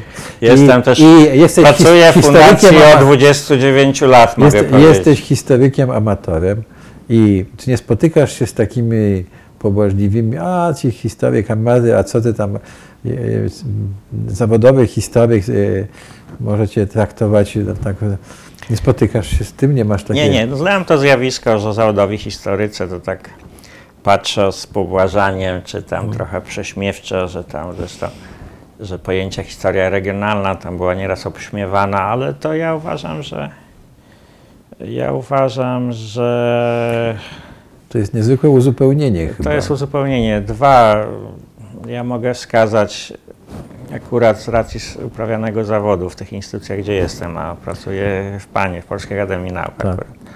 Jestem takim historykiem, regionalistą, amatorem, ale specyficznym, bo mam, pracuję w środowisku naukowym. Y, Pracowałem w centralny, sporo lat w Centralnej Komisji do Spraw Stopni Tytułów Naukowych, gdzie ja Mhm. mam na co, mam i miałem i będę miał kontakt z tymi no, największymi tuzami polskiej humanistyki i nie tylko. I i zresztą nigdy się z tej strony nie spotkałem z jakimś tutaj gestem tam pobłażliwości, że to, to jakieś moje tam e, moje tam jakieś tam e, niepoważne zainteresowanie. Najczęściej takie prześmiewcze są od tych ludzi, którzy sam się, ponieważ bardzo dobrze znam to środowisko tam siedleckie, to było tak, że no, owszem, tam są katedry te historyczne, ale pamiętam takiego jednego profesora, specjalisty od ruchu oporu, który jak tam puszczał takie historie związane z tymi dziejami lokalnymi, to, to jak to przeczytałem ja, czy tam ten mój kolega Grzesiek Wedy, który zresztą doktorat zrobił, to przywoływał pomstę do nieba. To poprzekręcane nazwiska, poprzekręcane No tak. nazwy i to tak puszczał to Ja e, może- systematycznie i był bardzo z siebie zadowolony, a właśnie tych regionalistów to traktował No tak. No, że to, Czyli a, rozumiem, takie to amatorszczyzna. Ja z, tej strony muszę powiedzieć, A taki, już nie pamiętam kto napisał o tej historii regionalnej, chyba nawet profesor Śliwińska kiedyś, specjalistka od powstania styczniowego, że właśnie dzięki pracom tych e, historyków regionalistów ileś nowych rzeczy tej No, wiedzy historii zostało no, uzupełnione, które no, mówi- do takich rzeczy, że takich zawodowych No historii nie miały szans nawet dotrzeć. No mówiliśmy tu o księdzu Brzustce, tak? No po prostu to ukrywanie się, to jest, tak? Ten, ten y, po- podwójna ściana i tak dalej. No przecież, tak, no to są takie, Ja mogę powiedzieć, no, to jest, to jest nie, nie, Nieberski, który jest chyba najlepszym specjalistą właśnie od powstania styczniowego tam na Lubelszczyźnie i od tej, od tej historii tam udział księży katolickiej. Ja mu tam wysłałem to swoją książkę, zresztą tam byłem u niego. No, dostałem od niego taką laurkę, że tam chyba będę swoim dzieciom pokazywał. No, Nie, no, że właśnie to jakość. potrzebne było, skrupulatność takiego, który by to wszystko, każdy krok Nie, sprawdził, tak. ustalił, co. Bo niestety Tak. zawodowi historycy mają to do siebie, piszą jakieś wielkie opus vitae, takie syntezy. Ale po pierwsze, czasami co do szczegółów nie sprawdzą, czasami nie ma czasu. No tak, ale poza tym e, e, jednak e, te, te wszystkie wydarzenia się toczyły i dotyczyły ludzi tam i z tego budujemy. A, a z tego patrzmy jeszcze budujemy o odbiorców naszych. Tak. No bo Tak. powiedzmy, jak ja jestem na, na tym spotkaniu, co organizuje Koło Gospodyń Wiejskich w Czaplach Androlewiczach, Jasne, Czaplan Dejewicze, tak, tak, e, to parafia Skrzeszew starożytna, e, to ludzi najbardziej interesuje nie jakaś historia wielka, Tylko z ich, wielkiego no bo świat, to jest świata, ich babcia, tylko ich dziadek, właśnie ich historia ich, miejsce. gminy, historia ich parafii, historia ich cmentarza, historia ich wsi, historia ich zresztą ich rodzin. A co drugie, gospodarz na Czapla Handrowiczka to jest Więc- Czapski, druga Gałecki, e, ten Paczuski. No zresztą od tego zacząłem, że podejrzewam, że co drugi z tych, z tych rodzin to jest mój kuzyn. No bo To dobrze, to na tym e, zakończmy i może jeszcze na zakończenie powiedziałbym tak, że zwracając się do kół gospodyń wiejskich, także warto się zajmować historią e, lokalną i jest to nie, niezwykle ważna rzecz, żeby to robić, e, żeby powstawały te e, książki na ten temat historii lokalnej, bo jak się w naszej Rzeczpospolitej nam znowu wydarzy, że e, mm, e, przestaniemy istnieć, czy wy, wydarzy się kolejna wojna, to jakieś książki, jakieś materiały na pewno ocaleją i będziemy mieli ciągłość, właśnie, no. ciągłość dziejów. ciągłość, tak, no, ciągłość dziejów. I to jest- rodziny, I tfu, tfu, niech nam się nie ciągłość wydarzy, gminy, ale- ciągłość parafii. Tak, ciągłość okazuje- dziejów naszych, tak. A ja dopowiem, że tu jak jestem w tej Fundacji Wspomagania Wsi, ja się poczuwam jako związany z tą fundacją prawie 30 lat. Tak się zdarzyło. Y, Zawsze fundacja to wspierała, wspiera i pewnie będzie też wspierała. A ja razem z, z nimi, no. Dobra, dziękuję bardzo za Dziękuję rozmowę i jak rozumiem, nie ostatnio. nie ostatnio.